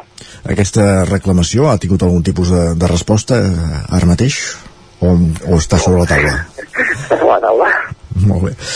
Um, comentaves abans que això, que va ser el boom, va ser el no postconfinament, diguéssim que la cosa se- se'n va anar de mare. En els darrers mesos, setmanes, la cosa s'ha anat posant més a to o ha continuat aquesta tendència de massificació? No, no cal, cal dir que va haver-hi també va haver aquestes mesures de, de, re, re, que es va reaccionar, no? Vull dir, van haver-hi control dels Mossos, van haver sancions, i això va fer una mica canviar una mica la dinàmica de, de la gent que accedia al, al parc natural. També ara va haver-hi tota aquesta època des de- d'estiu de, i primavera que va anar més, més avall, i ara a la tardor per veure, a veure què passa, estem una mica expectants, a veure, perquè és una època també d'alta afluència ara. Vull dir que de moment per això no hem tingut casos de, de que hem tingut que evitar els Mossos o així perquè s'hagin tirat alguna carretera, perquè, perquè hi ha gent que marca malament. El problema princi- principal és aquest, la gent no aparca bé, aparca on vol, una mica amb aquella sensació, amb aquella impunitat, no? que, que l'espai natural, el bosc és de tots i, i puc deixar el cotxe allà on convingui. És una mica aquesta la, la Els problemes de mobilitat principalment venen per aquí, perquè, perquè la gent aparca, evidentment, dir, hem trobat la cartera de Collformic que quedava només amb un carril, la qual cosa, bueno, podeu imaginar les problemàtiques que pot generar pels veïns, però pot generar qualsevol situació d'emergència que, que, que els serveis d'emergència estan inclús no puguin arribar, vull dir, és, és, és delicat, no? Vull dir, a mi no, sé, bueno, no sé jo si baixo a Barcelona, que parco a la Diagonal, no parco allà a la, a la línia blanca a un carril, bueno, si, si aparco ja sé que passarà al cap de 10 minuts. Sí, sí, doncs hem evidentment. d'agafar tots la consciència de que és el mateix, hi ha unes zones habilitades per aparcar, hem d'aparcar allà, i si no hem d'aparcar més lluny, i ara tenim la gran oportunitat de poder fer servir el transport públic. El que és el nucli del Brull, eh, la problemàtica és, és similar, diguéssim, perquè també aquests dies passant, qui passa per, per la zona també de seguida veu l'aparcament ple. Eh, no és només un, una cosa concreta de, de, de dalt de Collformí, que segurament és la, la, la gota que fa el got, però diguéssim que és una tònica general a tota la carretera, no?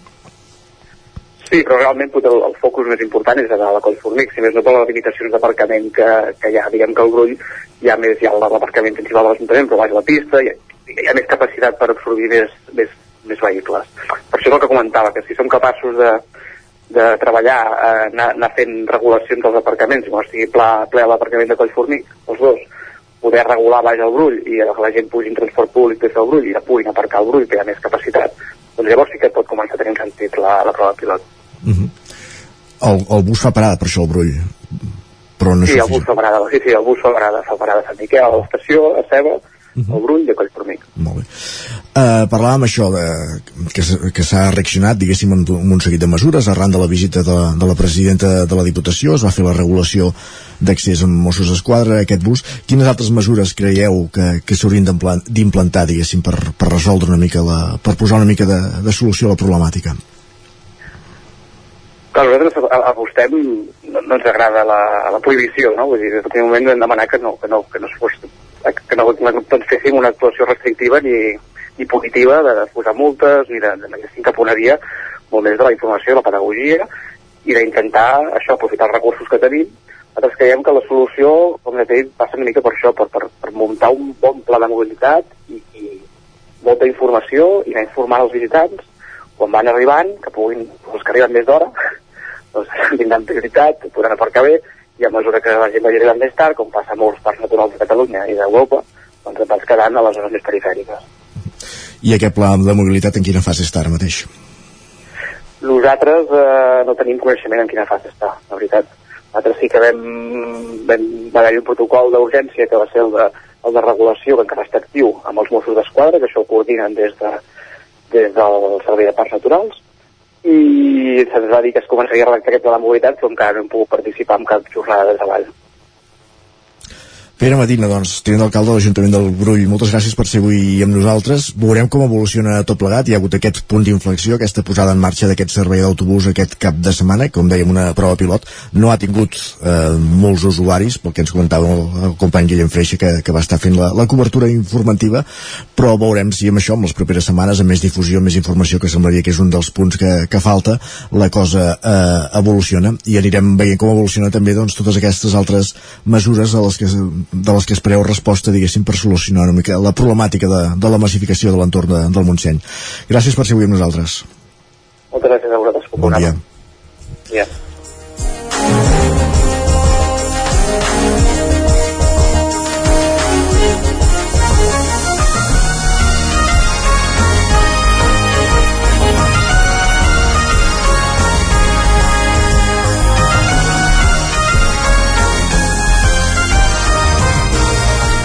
Doncs seguim en directe a Territori 17, hem parlat una mica de la problemàtica que hi ha als accessos del Montseny, en aquest cas des de la vessant usonenca, una problemàtica que s'accentua en dies com el que estem vivint ara, amb aquest pont eh, marcat per aquest cap de setmana en què a Ceba s'ha fet la festa del bolet, una festa multitudinària que ha tret molta gent a les vores del Montseny, i molts d'ells, clar, després de passar per Ceba, volien anar cap a Collformic, a fer una excursioneta, si pujar al Matagalls... Si volies passar per Ceba abans ho tenies complicat, Sí, eh? perquè, perquè a quarts de del matí els aparcaments ja estaven plens a dalt, vull dir que la gent matina, això, això sí que ho tenen. Això, això també és cert, uh, però bé, la veritat és que la festa de ceba, del bolet de ceba va ser uh, multitudinària i, Correcte. clar, les festes lligades a la falda del Montseny no s'acaben, perquè d'aquí quatre dies arriba la Fira de la Castanya de Viladrau, que també atrau molts i molts visitants i també pot fer que es torni a complicar i molt doncs, els accessos i tot el que comporta l'accés massificat de gent, sobretot arribada de l'àrea metropolitana cap al Montseny. Veurem si tot plegat es pot anar endreçant o no. De No, moment, no, no assenyalem a ningú, bàsicament, perquè No. és ja el gran nucli de població del país. Evidentment, És- evidentment. Bé, hem fet aquest apunt amb el Pere Medina, Isaac, ara el que farem és una breu pausa, de res, 3 minutets, i tornarem a dos quarts d'onze en punt aquí a Territori 17, fent un repàs a les piulades, com sempre amb el Guillem Sánchez, que em sembla que ja volta per aquí. Sí, ja el tenim a punt. No sé si va anar a buscar bolets aquest cap Ara de setmana, en. Guillem. Ara ens ho dirà. Ara ens ho dirà, va. Doncs vinga, de seguida tornem aquí a Territori 17. Fins, Fins ara ara mateix. El nou FM, la ràdio de casa, al 92.8. Cobertes serveis funeraris. Els nostres tanatoris estan ubicats en els nuclis urbans més poblats de la comarca d'Osona per oferir un millor servei. Tanatori de Vic, Tanatori de Manlleu, Tanatori de Centelles i Tanatori de Roda de Ter. Sabem que són moments difícils i per això el nostre compromís és atendre-us en tot moment amb un tracte humà, sensible i respectuós. Cobertes serveis funeraris. Telèfon 24 hores 93 883 23 46. Mudances a la carta. Som especialistes en muntatge i desmuntatge de mobles. Oferim servei de guardamobles i fem mudances a tot el territori. Trasllats de pianos i peces delicades i també fem embalatge i protegim. Mudances a la carta. Serveis adaptats a cada client. Ens trobaràs al telèfon 605 04 34 75. El 23 i 24 d'octubre la castanya torna a ser protagonista de Viladrau. Arriba la 26a Fira de la Castanya, una mostra única i sorprenent al voltant de la castanya, la tardor i el territori. Podràs gaudir d'espectacles familiars, cultura popular o tallers i endinsar-te al bosc per descobrir l'espectacular tardor del Montseny amb les visites guiades per veure els castanyers. I si tens gana, apunta de la degustació de tapes amb els restaurants de Viladrau. Aquest any estrenem connexions amb bus per pujar a la fira amb transport públic. El 23 i 24 d'octubre, Fira de la Castanya de Viladrau. Consulta totes les activitats a viladrau.cat. Vols noves sensacions en un ambient dels anys 80? Vine al restaurant 80's Spirit Peak. Emocions i bon menjar. Costelles amb salsa de barbacoa, 8 tipus d'amanides, hamburgueses 100% de carn de vedella, carn a la brasa, pollastre, plats combinats, varietat en tapes, hamburgueses per a vegans i vegetarians...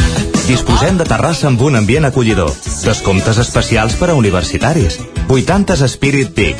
Ens trobaràs a la plaça de la Pietat 2 de Vic. Reserves al 93 679 44 43. Cocodril Club.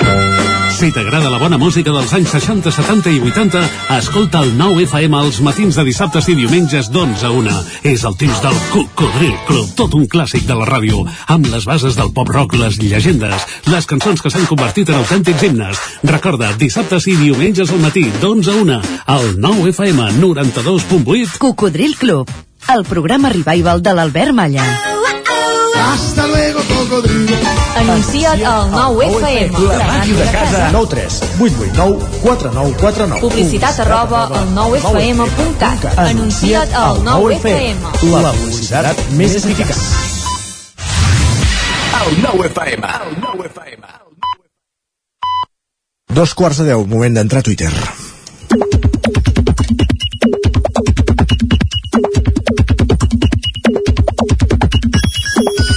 I a Twitter no hi entrem sols, ho fem sempre acompanyats d'en Guillem Sánchez. Guillem, bon dia. Bon dia, Jordi, bon dia, Isaac. Hola, què tal? Teníem un dubte, eh? Has anat a buscar bolets aquest cap de setmana? Ni No, que no. sigui a ceba a buscar-los ja dins del cistell? No, no, ni a Ceba, ni al bosc, ni a, ni a l'entorn proper a casa, a casa meu, no, no. Se'n fan a casa teu? No ho sé, potser podria investigar-ho, podria investigar-ho. No, però els, els bolets, el plat directament, cuinats i per, i per menjar directament. Molt bé, doncs cadascú el seu, va. Molt. Guillem, per on ho Twitter, arrenquem, què diu? això? Exacte. Sí, estem enmig d'una setmana, bueno, enmig, comencem una setmana complicada o diferent perquè no sabem si aquest festiu de demà fa més nosa, fa servei, hi ha gent que li agrada i hi ha gent que no, però això a la xarxa genera, com sempre, molt, molt, molt de comentari. Per exemple, la Mercè que diu jo puc demanar treballar o no i el 12 o el treballo sempre. Ja us podeu imaginar per què no acaba de donar els motius, però ella diu que si pot triar sempre, sempre tria treballar-lo. I nosaltres ens imaginem el per què, perquè no hi ha gaire res a celebrar, però bé, si hi ha un festiu, a vegades ja que, que escolta, l'hem d'aprofitar com O es treballa més, més, més tranquil també en festiu. Aquest és l'altre argument, que a vegades Bé, hi ha... També, també. En Més coses. En Pep ens deia ahir a aixafar l'orella que, que crec que demà sóc l'únic que treballa, tothom està de pont. L'únic tampoc, però hi ha molta gent que avui ja aprofita per, per fer aquests quatre dies també. Bé, i és evident que n'hi ha molts que no fem pont. Correcte. Per tant, eh, bé, alguns farem festa demà, però de ponts i palanques cap. Per tant, eh, que sàpiga que no és l'únic que no fa pont ni que no fa festa. Més coses. Com destacava Jordi aquests dies, l'etiqueta res a celebrar és molt utilitzada a les xarxes i en Xavier ens recorda bon dia, demà 12 d'octubre res a celebrar, excepte si et dius Pilar, que llavors sí que ho has de celebrar. Correcte, per molts anys a totes les pilars que demà celi celebren el dia del seu sant. No sé si en coneixeu alguna, jo ara hi estava pensant i... Home, hi ha unes quantes. Sí? Sí, sí, sí, sí. La Pili. La Pili, eh, antiga companya d'aquí al Nou, ja fa uns quants anys, per exemple, i conec unes quantes àvies que es diuen Pilars, no són les meves, però és un nom molt estès entre la gent que ja passa dels 50, eh? Correcte. De Pilars noves n'hi ha molt poques, en canvi. Alguns estudiants també es beneficien d'aquesta data festiva, com per exemple diu en Jan, diu 12 o res a celebrar, però tinc 7 dies sense classe, per tant, mini vacances, 7, dies sense classe, per tant... Ostres, clar, quatre, els, els de casa meu fan quatre dies de festa, però set, no sé, carai, quin no sé els ha tret, si, si, si és que no tenia classe ja o... i en aquest cas el 12 d'octubre també és dia de desfilada d'exèrcit. I la vela ens ho recorda, diu estic impacient perquè arribi el 12 d'octubre per veure quina nova cagada fa l'exèrcit. Home, la de la cabra segur que algú caga. Aquella de la Legión sempre apareix per allà eh? algun cagalló deixarà anar. Doncs va, canviem de tema. Ara una pregunta de l'usuari Cal Ignasi. Diu el fuster no troba operaris, el mecànic tampoc cal carnisser no troba dependents, el constructor no troba ni paletes ni manobres, les botigues del municipi no troben dependents, la pastisseria encara menys, els restaurants i bars pitjor és poc només passa a Osona això? i es fa aquesta, aquesta pregunta, suposo que... Això arriba des de Cantoni Gros, de Cal Ignasi, on si voleu anar a treballar, doncs guaita, si voleu fer de camarers sembla que hi ha feina. Correcte. Un missatge que ha tingut... Altre tema són els sous, eh? Exacte, i les condicions i els calendaris i els horaris. De fet, una de les respostes va en aquest sentit, diu, perquè l'Elisabet comenta jo busco un cap de cuina eh, amb 1.600 600 euros nets i cambrers a 20 hores de la setmana per 719 euros nets més propines i no hi ha manera, tu. En aquest cas, ella diu que ofereix al Vallès.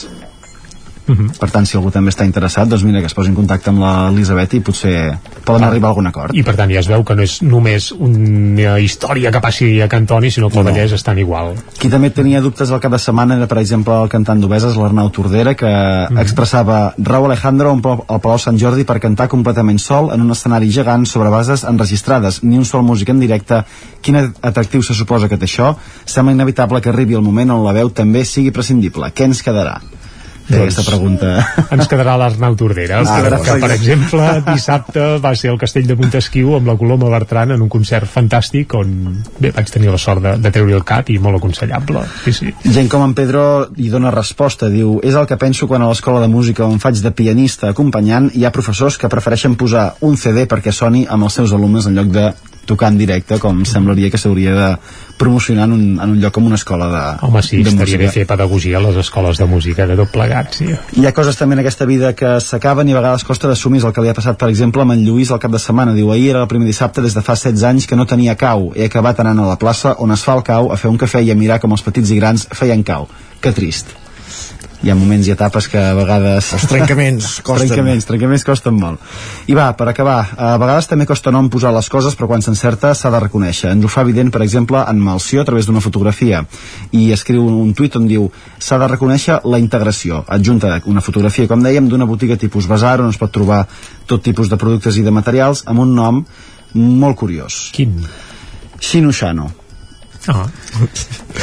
Està bé, està bé. Sí, sí. sí ben bé i està ben, ben trobat, s'ha de reconèixer, es diu i, i punt. Doncs ja està dit. Gràcies, Guillem. Que vagi bé. Jordi, repassem portades. Doncs va, tot xinutxano, o potser ho farem una mica a correcuita, però anem a veure què diuen ara mateix al 99.cat. Comencem pel Vallès Oriental avui, que expliquen que Territori inicia les obres del tercer carril de la C-17 en sentit nord. Això és entre Parets del Vallès i Canovelles i Granollers, on sovint hi ha uns embussos de por, doncs ara hi haurà obres. Uh, tres carrils. Bé, exacte, de moment les obres per fer aquest tercer carril a la C-17 en sentit nord, és a dir, en sentit Vic venint des de, de Barcelona. Més coses. Montmeló aposta per contenidors tancats per augmentar el reciclatge i també Parets del Vallès acull una diada de l'esport i la cultura inclusiva en què homenatge a Sergi Mingote, recordem aquest alpinista eh, desaparegut fa ja uns quants mesos en un accident i que per cert també havia sigut alcalde de Parets. Correcte. Anem a l'edició d'Osona i el Ripollès, que ara mateix qui l'obra és l'alcalde de Torelló, Marçal Ortuño, se li va fer una entrevista i ell titula que està en minoria suposa molt esforç, però estem contents amb la decisió. Recordem que Esquerra hi governa en minoria, uh, però de moment sembla que se'n va, se va sortint. També aquest dilluns enterren el sindicalista manlleuenc Lluís Donoso, ho hem explicat a l'hora d'obrir el territori 17 d'avui, que va morir aquest cap de setmana, i també uh, ressò de la mort de la conductora d'un dels turismes implicats en un accident a la C-37 a Manlleu, la C-37 que és la carretera, bé, l'eix bicolot perquè ens entenguem tots plegats. Correcte. Això apareix ara mateix a les portades del 99.cat. Gràcies, Guillem, doncs, gràcies, Jordi, també. Anem a la taula de redacció. Vinga.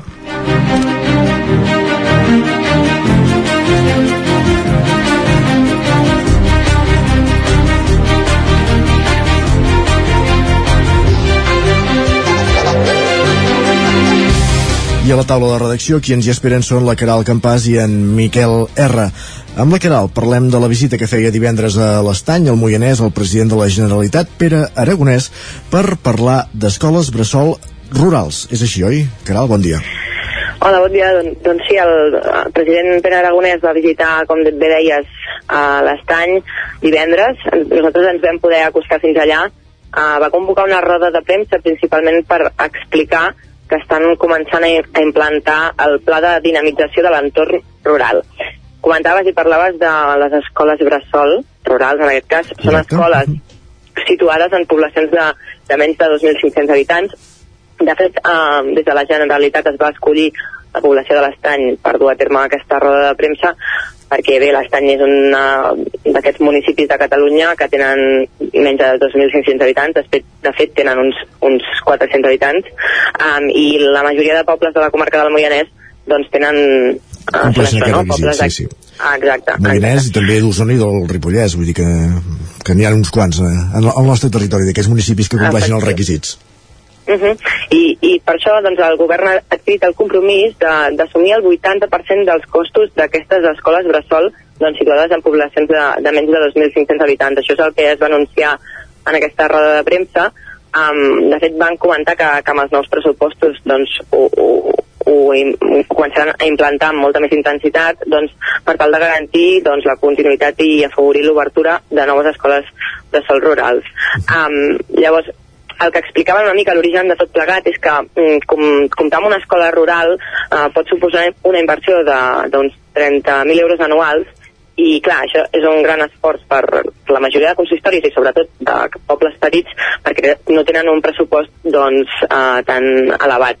Um, llavors, el govern ha decidit finançar aquest percentatge dels costos uh, per tal doncs, d'afavorir que aquests ajuntaments doncs, puguin oferir el servei i d'aquesta manera um, es volen evitar dues coses. Principalment uh, evitar el despoblament de les zones rurals, um, de manera que si ells faciliten el fet de que continuen en aquest tipus d'escoles o se'n creïn de noves, um, generarà que els infants i les famílies no hagin de marxar d'aquestes poblacions per anar a altres llocs i, per tant, doncs, garantir aquesta continuïtat d'aquesta població.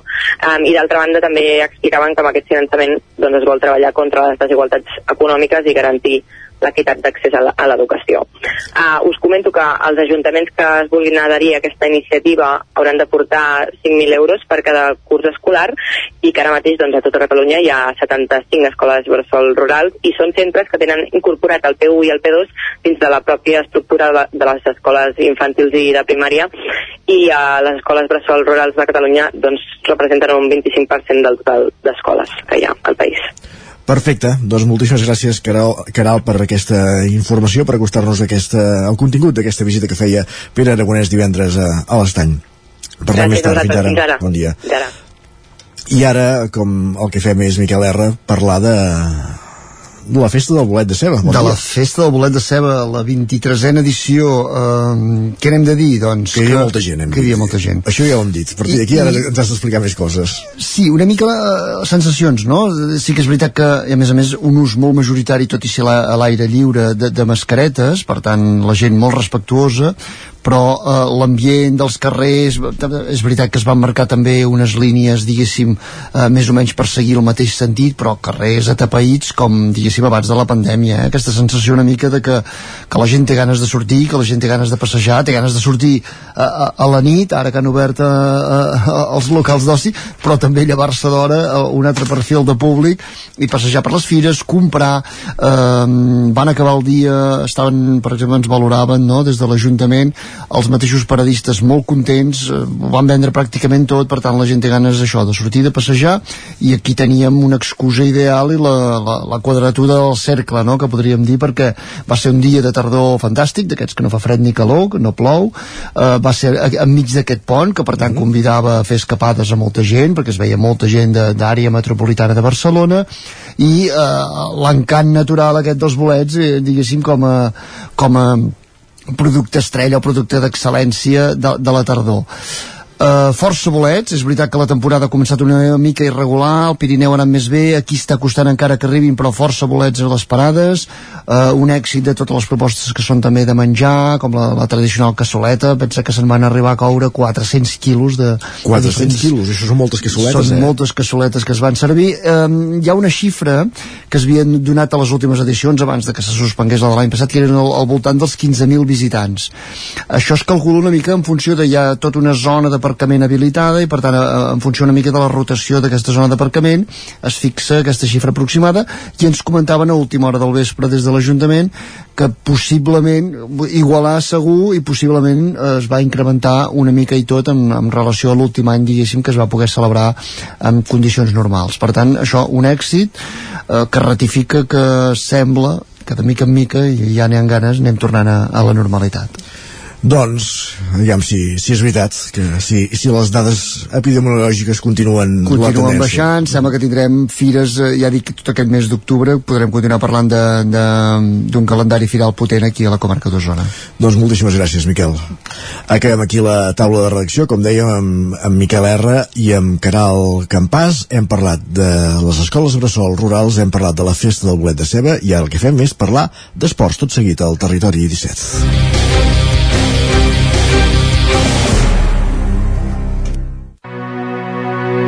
Territori 17. El 9 FM, la veu de Sant Joan, Ona Codinenca, Ràdio Cardedeu, Territori 17.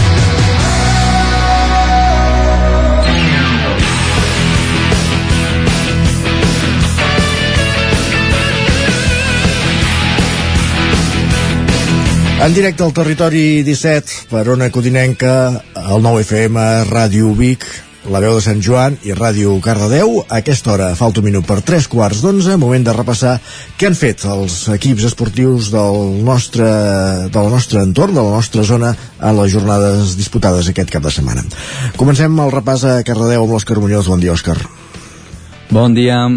Doncs cap de setmana amb resultats no gaire bons aquí a la zona. O sigui, començarem amb el futbol, amb el primer equip on aquest cap de setmana havia, bueno, hi ha hagut empat a la segona catalana per 0 a 0. Ahir els cardauencs es van desplaçar a Santa Perpètua per tornar amb un punt a la butxaca. Eh, ara els tenim situats a la tercera posició, així que tampoc eh, anem tan malament amb el primer equip. El que va una miqueta pitjor és el filial de la tercera catalana, eh, que aquest, eh, aquest dissabte va perdre per 3 gols a 5 en una tercera catalana doncs, més competitiva i amb un estil com més així contundent que, que, estem, que el primer equip. Eh, la setmana passada vam comentar eh, el gruix de targetes grogues que van treure en el partit. Doncs en aquest partit eh, cal destacar eh, que van expulsar dos eh, a dos jugadors dels dos equips a les acaballes del partit. Sí. Ser a la mateixa lliga està... sí, sí, sí eh, el filial del Cardedeu té un joc contundent Carai. el, a la mateixa lliga tenim situat el Llinàs uh -huh. que tampoc va guanyar, van empatar a dos gols a dos però aquest empat doncs, té una miqueta més de bon gust ja que varen jugar contra el Sant Celoni i que doncs, també hem comentat algun cop el Sant Celoni és equip de la part alta de la Lliga eh, un equip doncs, ben, ben format, ben sòlid i això, el Llinàs va poder rascar aquest puntet Que sempre en és important. en dissabte, ah, exacte, sí i acabem amb, amb l'equip on està millor situat amb l'Esport Club Granollers aquesta tercera divisió que aquest diumenge doncs eh, van perdre per un gol a 3 Contra? l'Esport Club veni Ah, perdona. contra contra eh, l'Atmella del Vallès. Uh -huh. L'Esport Club venia de descansar de la jornada número 5 i no li va anar gens bé en aquesta jornada número 6 que ara mateix cau a la quinzena posició a, això, al perdre contra el Paralada, perdona, en un equip que ho està fent molt bé en aquesta, en aquesta tercera divisió i ja estan situats eh, a la segona posició, al Paralada. Així que, Ara sí, ara em, em quadra Ah. més. És quan, quan has dit la quadra més, sí. M'ha sobtat, però vaja, ara sí. Molt bé, anem per la Perfecte. molt, Òscar. Sí, a l'handbol, que tampoc hem tingut eh, de gens de sort. oblidar, el eh? sènior... Sí, sí, només hem trobat una victòria a Granollers, així que, que ara la comentarem. Bueno, això, els equips del sènior, eh, tant el masculí com el femení de Cardedeu, eh, jugaven fora els sèniors doncs, van tornar a perdre aquesta eh, segona derrota seguida per 29 a 20 contra la Salle Bonanova que s'ha de dir que els partits de, que juguen contra les Salles doncs, no són gens fàcils de guanyar ja que normalment són patis d'escola de ciment i a l'exterior. Però això no és excusa per a aquest sènior que ara mateix s'ha situat a la quarta posició de la Lliga Sènior masculina. Les noies, eh, el sènior femení doncs eh, van perdre amb un contundent 38 a 23.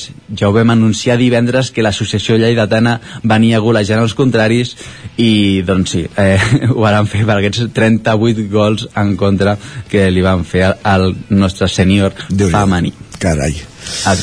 I acabem amb una victòria ja l'havíem anunciat um, amb l'embol amb el Franking que dissabte van guanyar per 20 a 30 contra un Eibero Quinoa Antequera que ara mateix està eh, situat a la última posició d'aquesta Lliga Sobal.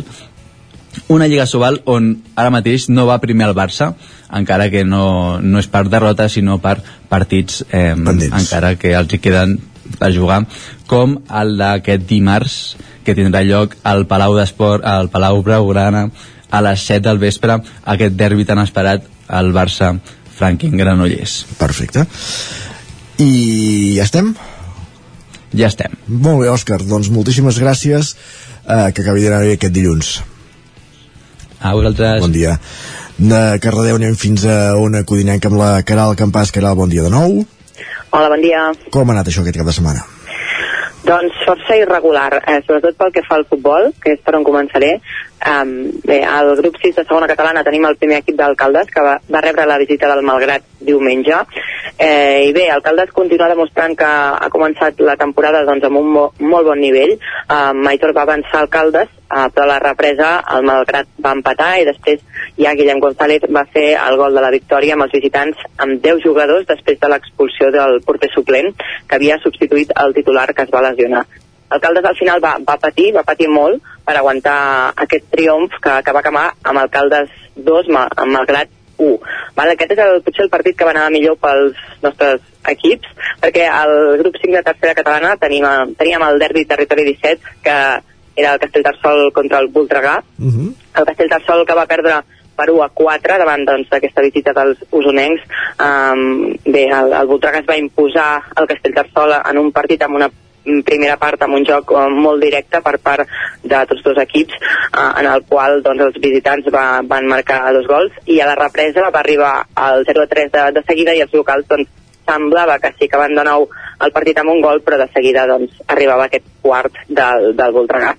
Uh, després el Sant Feliu de Codines que no va ser incapaç d'imposar-se al Mollà aquest diumenge que jugaven a casa els codinencs en un partit que va acabar per 1 a 2 eh, Bé, els ballesans van ser molt irregulars eh, en una primera part que va ser doncs, molt difícil i que va tenir conseqüències també cap al final del partit amb els eh, jugadors ja força desgastats.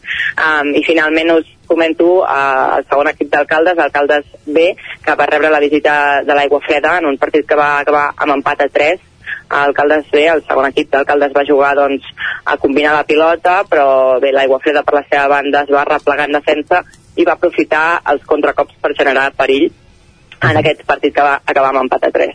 Molt bé. Um, okay. I acabo uh, parlant-vos d'hoquei. Uh, aquest cap de setmana només disputava el rec amb les arcaldes uh, i comentar-vos que desgraciadament els calarins encara se'ls resisteix la, la victòria. Uh, aquest diumenge disputaven contra l'Igualada a casa sí. en un partit que va acabar amb empat a 2 i, i bé, recordar-vos que des de que ha començat la Lliga els, calderi, els calderins encara no s'han endut cap victòria. Ahir vam poder parlar amb Eduard Candami per, per saber una mica més com havia anat i com era la seva valoració um, i com estava sobretot la qüestió de la pols a la pista, que ens va dir que encara persistia i que havia doncs, tingut conseqüències també aquest cap de setmana Uh, I també ens va comentar que el fet d'aquesta pols a la pista doncs, minva molt els ànims de, de l'equip perquè, clar, no poden entrenar bé i per tant no gaudeixen. I, i després també a l'hora dels partits doncs, els rivals estan encara darrere i, i els és molt difícil jugar bé perquè no poden fer contracops per, perquè rellisquen i de fet alguns d'ells també s'han lesionat uh, amb aquesta pols a la pista. Però bé no s'han plantejat, ja no s'han plantejat encara buscar una pista alternativa mentre duri aquesta problemàtica? Doncs no, no s'ho han, no han plantejat. El que, el que reclamava l'entrenador era això, doncs, que els proporcionessin alguna alternativa des del consistori perquè el que s'ha fet algun dia d'aquests és netejar la pista, però com que és conseqüència de les obres que hi ha hagut fa poc, um, clar, el fet de que la netegin un dia no, no soluciona el problema perquè en continua caient. Que, que bé. La qüestió està així. I ara, sense temps gairebé per descansar, doncs els toca preparar la doble cita d'aquesta setmana, eh, que s'enfrontaran el Reus dimecres i el cap de setmana vinent contra el Barça. Doncs déu nhi un bon turmalet aquesta setmana també pel Caldes. Uh, hauran de, hauran d'apretar fort. Gràcies, Caral, que acabem la festa major, per cert, eh? Sí, gràcies. Merci. Com a calderina que és la Caral, doncs com dèiem està de, de festa major i l'Isaac Muntades que la setmana passada ens deia que depèn què passés ahir al vespre avui faria pont, però sembla que li ha tocat treballar. Bon dia, Muntades. Bon dia, bon dia Isaac. Sí, sí, bueno, no, no vaig mirar el partit eh, ah. vespre ja, ja ho comentarem després. No, és que, és, que, és que he de mirar sèries de Netflix per poder-vos explicar, home. Ah. Ah, alerta, ja ho veuen, molt bé. Parlem d'esports. Parlem d'esports de, d'esports del Ripollès, va. Va, anem, anem aquí mateix, a Sant Joan de les Abadeses, perquè evidentment us he d'explicar una mica com van els 3 dies de trial de Santigosa, que s'acaben avui mateix, amb 31 zones per disputar. De fet, s'estan disputant des de les 8 del matí, quan ha sortit ja el primer pilot. Ara mateix el primer classificat és Pablo Suárez, que només té 5 punts de penalització, el segueix Jorge Casales amb 7, que segurament Jorge Casales era un dels grans eh, favorits, per tant està a la lluita.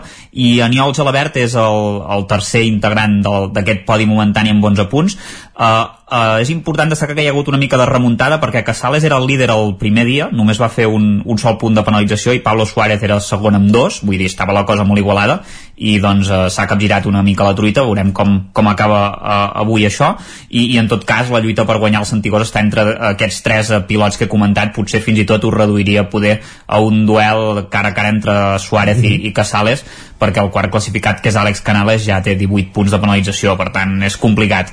I en dones, dir-vos que domina Berta Avellan, que té 64 punts i està en la trentena posició, i ja més lluny eh, hi ha Alba Villegas a la 48a posició amb 83 punts, per tant en principi Berta Avellan ho té, ho té bastant encarrilat per guanyar el, el Santigosa. Uh, això us ho explicarem el, el dimecres que ha guanyat, uh, que doncs bueno, aviam, aviam com va i aviam si és emocionant. De moment sembla que, que ho serà com, com quasi bé cada any perquè sempre es, es fa molt just. Uh, anem al futbol el grup uh, UA de, el subgrup UA de la zona catalana on cada cop sembla més clar que el Camprodon haurà de lluitar per no baixar de categoria i és que el conjunt Camprodoní doncs, va perdre per 3-0 al camp del Marc Abalam i ho va fer bàsicament al tram final del partit que va ser força dolent, tot i dominar com sempre el joc i, i la pilota. A la primera part no van aconseguir materialitzar, de fet no van tenir pràcticament ocasions, a, a la segona part sí que en va tenir alguna al Camprodon de, de Clara, però el porter empordanès doncs, va estar bastant encertat i en canvi el Marc Adalant, que és un equip que juga molt directe, molt agressiu, doncs va aconseguir uh, sotmetre els ripollesos en només 10 minuts, uh, en un primer gol polèmic, amb una, uh, amb una falta al porter que l'àrbitre no va assenyalar i el davanter Ortega doncs, va aprofitar per fer el, el primer. El mateix Ortega va fer el segon 5 minuts després amb un xut des de fora l'àrea que van ajustat al pal i, i després que el Camprodon fallés un 1 contra 1 doncs uh, va arribar al 3-0 de falta i per tant ara els camprodonins són, són penúltims amb només 3 punts. Uh, millor li van les coses al camp davant al grup 19 de la tercera catalana on va sumar la tercera victòria en tres partits en un bon inici de campionat si no es té en compte doncs, el partit suspès contra la Badesenc els verd i blancs van superar el Fornells per 4-1 en un gran partit. Maideu va tenir la primera ocasió als locals però va ser Omar qui, qui va inaugurar el marcador al minut 19 després d'una pas bona passada d'Oriol Pérez que el va deixar sol. Uh, Maideu va fer el 2-0 amb, un, amb un gol de falta. A la segona part els últims minuts van ser bastant bojos perquè el Fornells doncs, va aconseguir retallar distància en un contraatac a, a través de Fortuny però el Canal va fer dos gols més. Primer amb un gol de Serrador després d'una centrada a Maideu i després Aitor va rematar ple doncs eh, una passada de Serrador. Es van, es van intercanviar una mica els papers no? un primer li passen un i després l'altre i aquí doncs van arribar aquests dos gols que permeten que el Camp de Bànoles sigui tercer de la Lliga amb 9 punts i un partit menys. Dir-vos que el Badesenc no ha jugat encara juga demà a les 6 de la tarda al Camp de les Preses aprofitant doncs el pont. Per tant ja us explicarem què haurà fet el divendres. Uh, i perquè fa un parell de coses més ràpidament el futbol sala, la Lliga de Primera Nacional l'escola de futbol sala Ripoll Servicat va empatar 3 en un partit amb bastantes alternatives contra el Montsant Sala 5 que també és un dels equips forts del campionat. Ha començat amb el seu particular turmalet. Si abans comentaven el turmalet d'alcaldes doncs eh, aquí també tenen un bon turmalet pel Ripollès van marcar Nico, Eric i, i Pineda i bé, aquest empat els deixa amb, 6, eh, amb un punt de 6 possibles i en la vuitena posició de 12 equips, per tant mal inici pels ripollesos, que avui a més a més debuten a la Champions League a Turquia.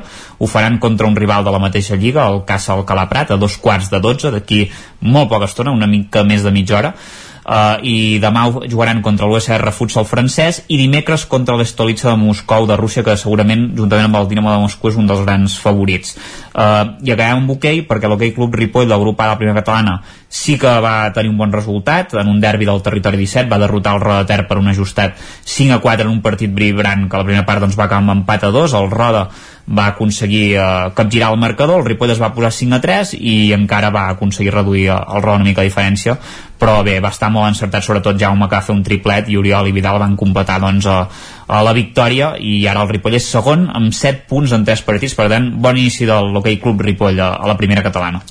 Perfecte, doncs moltes gràcies Isaac i acabem aquest repàs eh, als estudis del 9FM amb l'Ester Rovira, bon dia. Bon dia no sé si comencem parlant d'hoquei, abans la Caral ens explicava que les coses no van massa bé alcaldes, el Malleu i el Voltregà tampoc.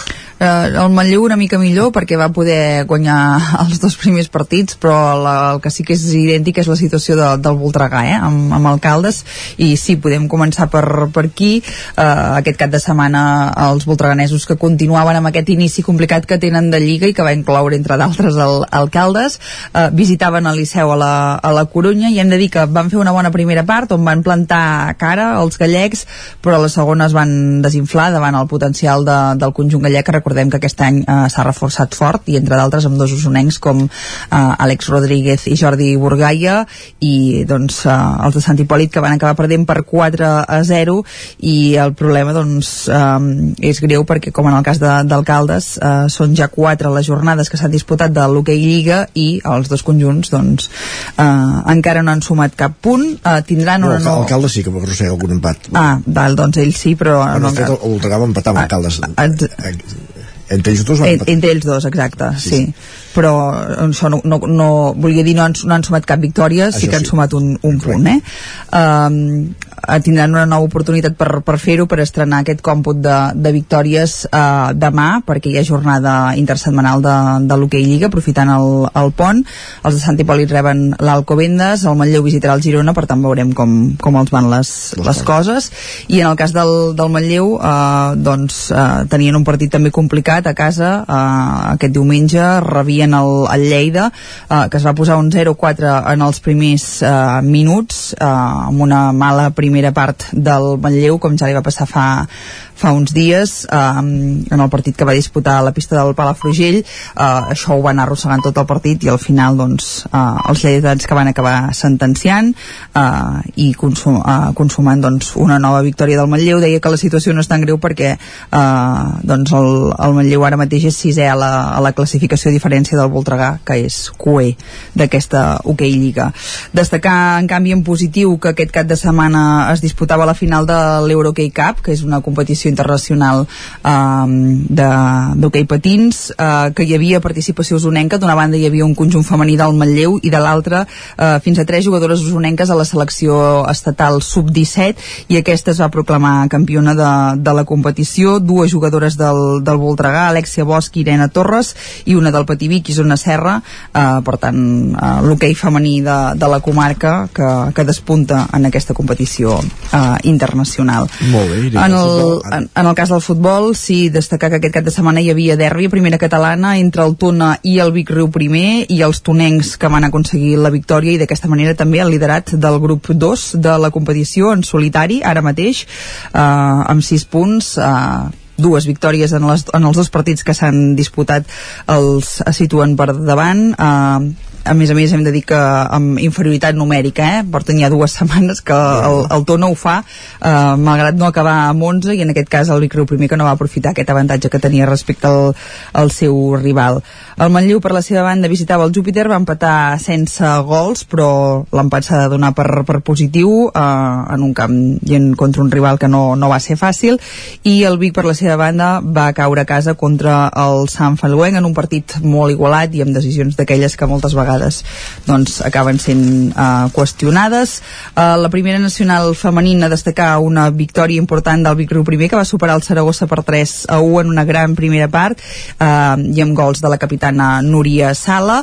I uh, en el cas del bàsquet doncs uh, nova victòria també del Club Bàsquet Vic, Universitat de Vic. Dèiem que la setmana passada va apallissar el seu rival doncs aquesta vegada no tant però déu nhi 86-66 contra el Girona B en un gran uh, últim quart de, de partit per tant els biguetans que també són líders d'aquest grup C3 de la Lliga EVA.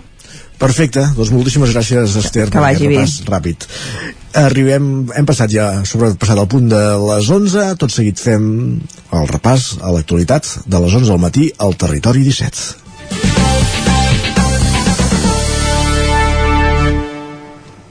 Territori 17 amb Isaac Moreno i Jordi Sunyer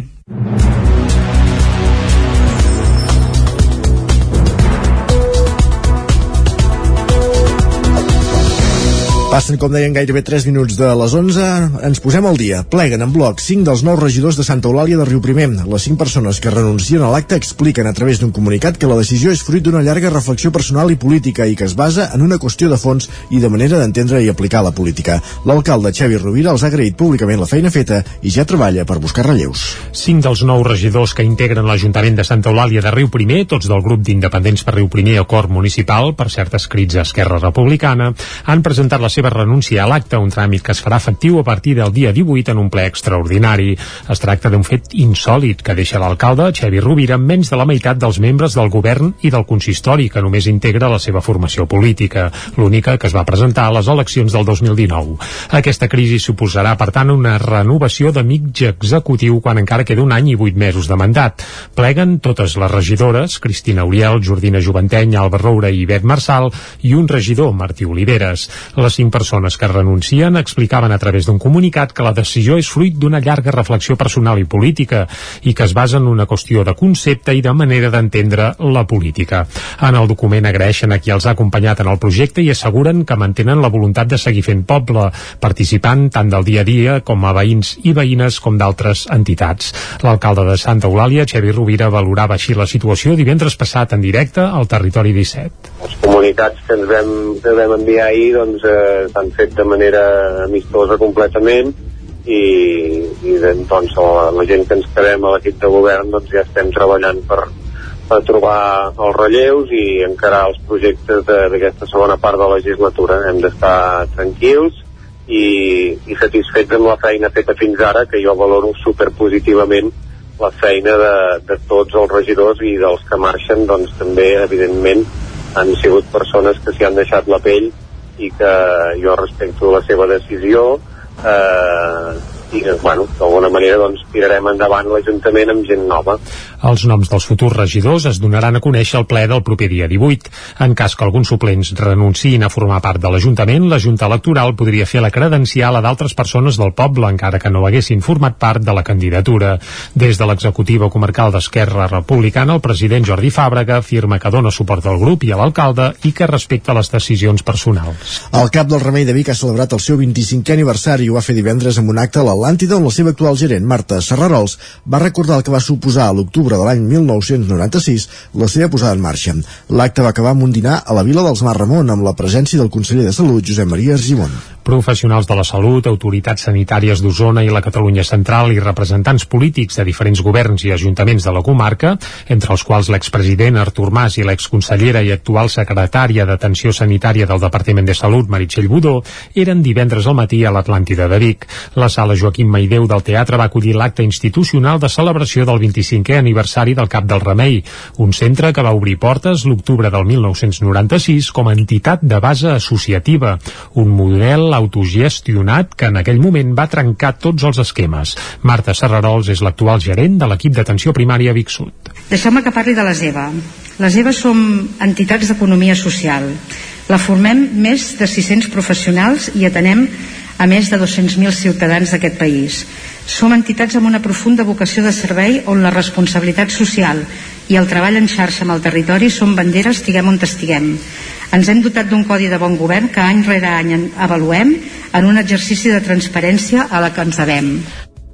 L'equip del CAP del Remei fa un balanç molt positiu del primer quart de segle d'un centre que amb els anys s'ha convertit en un, en un element, volem dir, de cohesió i equitat al barri. Serrarols també va parlar del que ha suposat la pandèmia a l'atenció primària, amb professionals treballant a contrarrellotge per evitar el col·lapse dels hospitals i va reivindicar les necessitats d'un sector cada vegada més asfixiat. Marta Serrarols. A qui vulgui escoltar, us diria que l'atenció primària s'ofega per diferents motius, però s'ofega. Si no assumim i entenem entre tots que no ho hem fet bé i posem remei, l'acabarem de matar. Veig intents i accions de bona voluntat per apedaçar l'atenció primària i cal reconèixer i agrair-ho. Però no necessitem només bona voluntat i pedaços. És urgent fer una profunda revisió i redefinició de tot el sistema sanitari, tant dels hospitals també, i posar l'atenció primària al centre, abocar els recursos i el pressupost que ens pertoca, avui per avui encara lluny del que hauria de ser i dignificar les retribucions dels seus professionals. L'acte va acabar amb un dinar a la Vila dels Mar Ramon de Vic, que va comptar amb la presència del conseller de Salut, Josep Maria Argimon. Més qüestions, granollers.comerç.cat, la nova plataforma de difusió per a tots els comerços i empreses de serveis de la ciutat. De moment ja hi ha més de 300 establiments registrats. Núria Lázaro des de Ràdio Televisió de Cardedeu. Granollescomerç.cat serà la nova plataforma comercial per a les empreses de comerç i de servei de Granollers. Es tracta d'un projecte sorgit de les associacions de comerciants Gran Centre i Comerç de Dalt i que amb el suport de l'administració local s'ha obert a totes les associacions de comerciants de la ciutat. Aquest projecte ha estat possible amb l'aportació econòmica de 98.000 euros provinents del Pla de Mesures Socioeconòmiques 2020-2021 per fer front als efectes de la crisi causada per la Covid-19. La presidenta de Gran Cinta Granollers, Laura Sabatés, ha explicat que des de l'inici van tenir clar que havia de ser un projecte de ciutat i havia de ser per tothom, perquè si no, no tenia sentit. Per la seva banda, la regidora de Promoció Econòmica, Gemma Jiménez, ha explicat que aquest és un projecte que suma una eina útil i de referència per a la ciutadania, que suposa la primera pedra per transitar cap a la transformació digital del comerç de la ciutat. Els impulsors també han destacat que el projecte neix com a eina omnicanal i de difusió digital per buscar comprar i contactar amb els establiments de Granollers. A través de la nova web es pot fer cerca de comerços i de productes que ja formen part d'aquest projecte, però alhora els comerços s'hi poden sumar registrant el seu negoci. Ja n'hi ha més de 300 establiments registrats en aquesta plataforma i que també té servei de transport propi de proximitat i ecològic. El Club El Lliure Cavallera de Parapent de Sant Joan de les Abadesses impulsa un Verkami per fer un mapa de vol del Ripollès per practicar el Hike and Fly. Isaac Muntades, des de la veu de Sant Joan. El Club Vol Lliure Cavallera ha impulsat una campanya de Verkami per poder finançar la creació d'un mapa de parapent per fer Hike and Fly al Ripollès. Farà un parell d'anys que el punxat parapent de Berga va confeccionar un mapa que englobava el Berguedà i arribava fins a Gombrèn. Ara el Club Ripollès n'agafarà el testimoni i recollirà la totalitat de la comarca i una part de la Garrotja. La previsió és que pugui estar llest cap a finals de novembre o principis de desembre. Aquest mapa topogràfic es presentarà en una funda doble on hi haurà dos mapes encavalcats de 98 per 68 a escala 150.000 i apareixeran els millors llocs per fer enlairaments, els camins per accedir-hi als corrents d'aire de la zona, les tèrmiques de serveis o els refugis i cabanes de pastor. El president del Club Vol Lliure Serra Cavallera, Xavier San Fulgencio, explica que aquest mapa serveix per planificar un vol, ja que s'hi especifiquen les condicions aerològiques de la zona. Si ningú t'ho avisa, si ningú dona una informació, doncs et pots trobar que potser no puguis volar, perquè tu no has coneixedor de la zona ni dels vents de com actuen d'una manera més local i aquest mapa el que fa és ajudar-te a, planificar un vol amb més seguretat que puguis volar i amb més seguretat física de que no et trobis amb elements estranys. Condicions aerològiques de les zones són molt específiques de cada zona. És a dir, una cosa és el temps que et donen a la tele, diuen hi haurà vent de nord, i aquest vent de nord és un, el que coneixem com a vent meteo, que és un vent que és genèric, per dir-ho manera. O sigui, hi ha un anticicló, una borrasca, el vent passa pel mig i entra vent del nord en alçada, en principi i també a baix. Però què passa? Que si el sol incideix, és a dir, si hi ha sol, el sol escalfa les planes i les valls i aquest vent comença a pujar. I aquest vent pot ser de sud, per exemple, i guanyar al nord. A més a més, aquest mapa anirà acompanyat d'una pàgina web on hi haurà informació complementària com, per exemple, aquells corrents tèrmics que deixen de funcionar en algunes èpoques de l'any per culpa de la marinada de la tarda, que la Festa Major de Caldes de Montbui ha comptat amb una elevada participació i les colles culturals com a eix central, que era el campàs des d'Ona Conidianca. Les colles culturals de Caldes de Montbui han pogut tornar a trepitjar els carrers durant aquesta festa major 2021, després de gairebé dos anys sense actuar. Per promoure encara més el retorn de les colles, des de les mateixes entitats van estrenar un vídeo promocional on un representant de diferents edats de cada colla feia una crida a la participació i assistència del públic. En Cultura és el nom d'aquest audiovisual editat per Berta Maiol, però creat en col·laboració entre totes les entitats i estrenat poc abans de l'inici de la festa. Sentim Berta Maiol més que res perquè també doncs, depèn, ai, depèn. Després de la pandèmia ens vam adonar doncs, que tots estàvem en una situació bastant semblant de falta de gent i de bueno, de motivació una mica en general per, per, bueno, per tot, no? pels efectes de, de la pandèmia llavors vam, vam veure que, que fer pinya doncs, era bona idea la tarda bastonera de dissabte va ser tot un èxit. Després dels bastons va ser el torn dels Diables, amb els versots i el correcadires, un correfoc 2.0 amb parades a diferents punts de la vila. Després, la plaça del Lleó va tornar a tremolar sota les flames amb una actuació amb molta pirotècnia i el ball de lluïment de la Godra. Aquest retorn de la cultura popular no hi va faltar la guisla i el farallàs a la matinal gegantera de diumenge, que va comptar amb la participació de quatre colles més. Dimarts serà el torn de la Diada Castellera i la festa es clausurarà amb un pilar caminat, la nit llum i pals i un castell de focs. Gràcies, Caral. Acabem el repàs informatiu. Anem pels solidaris. Els solidaris, com cada setmana des de Ràdio Vic i amb Eloi Puigferrer.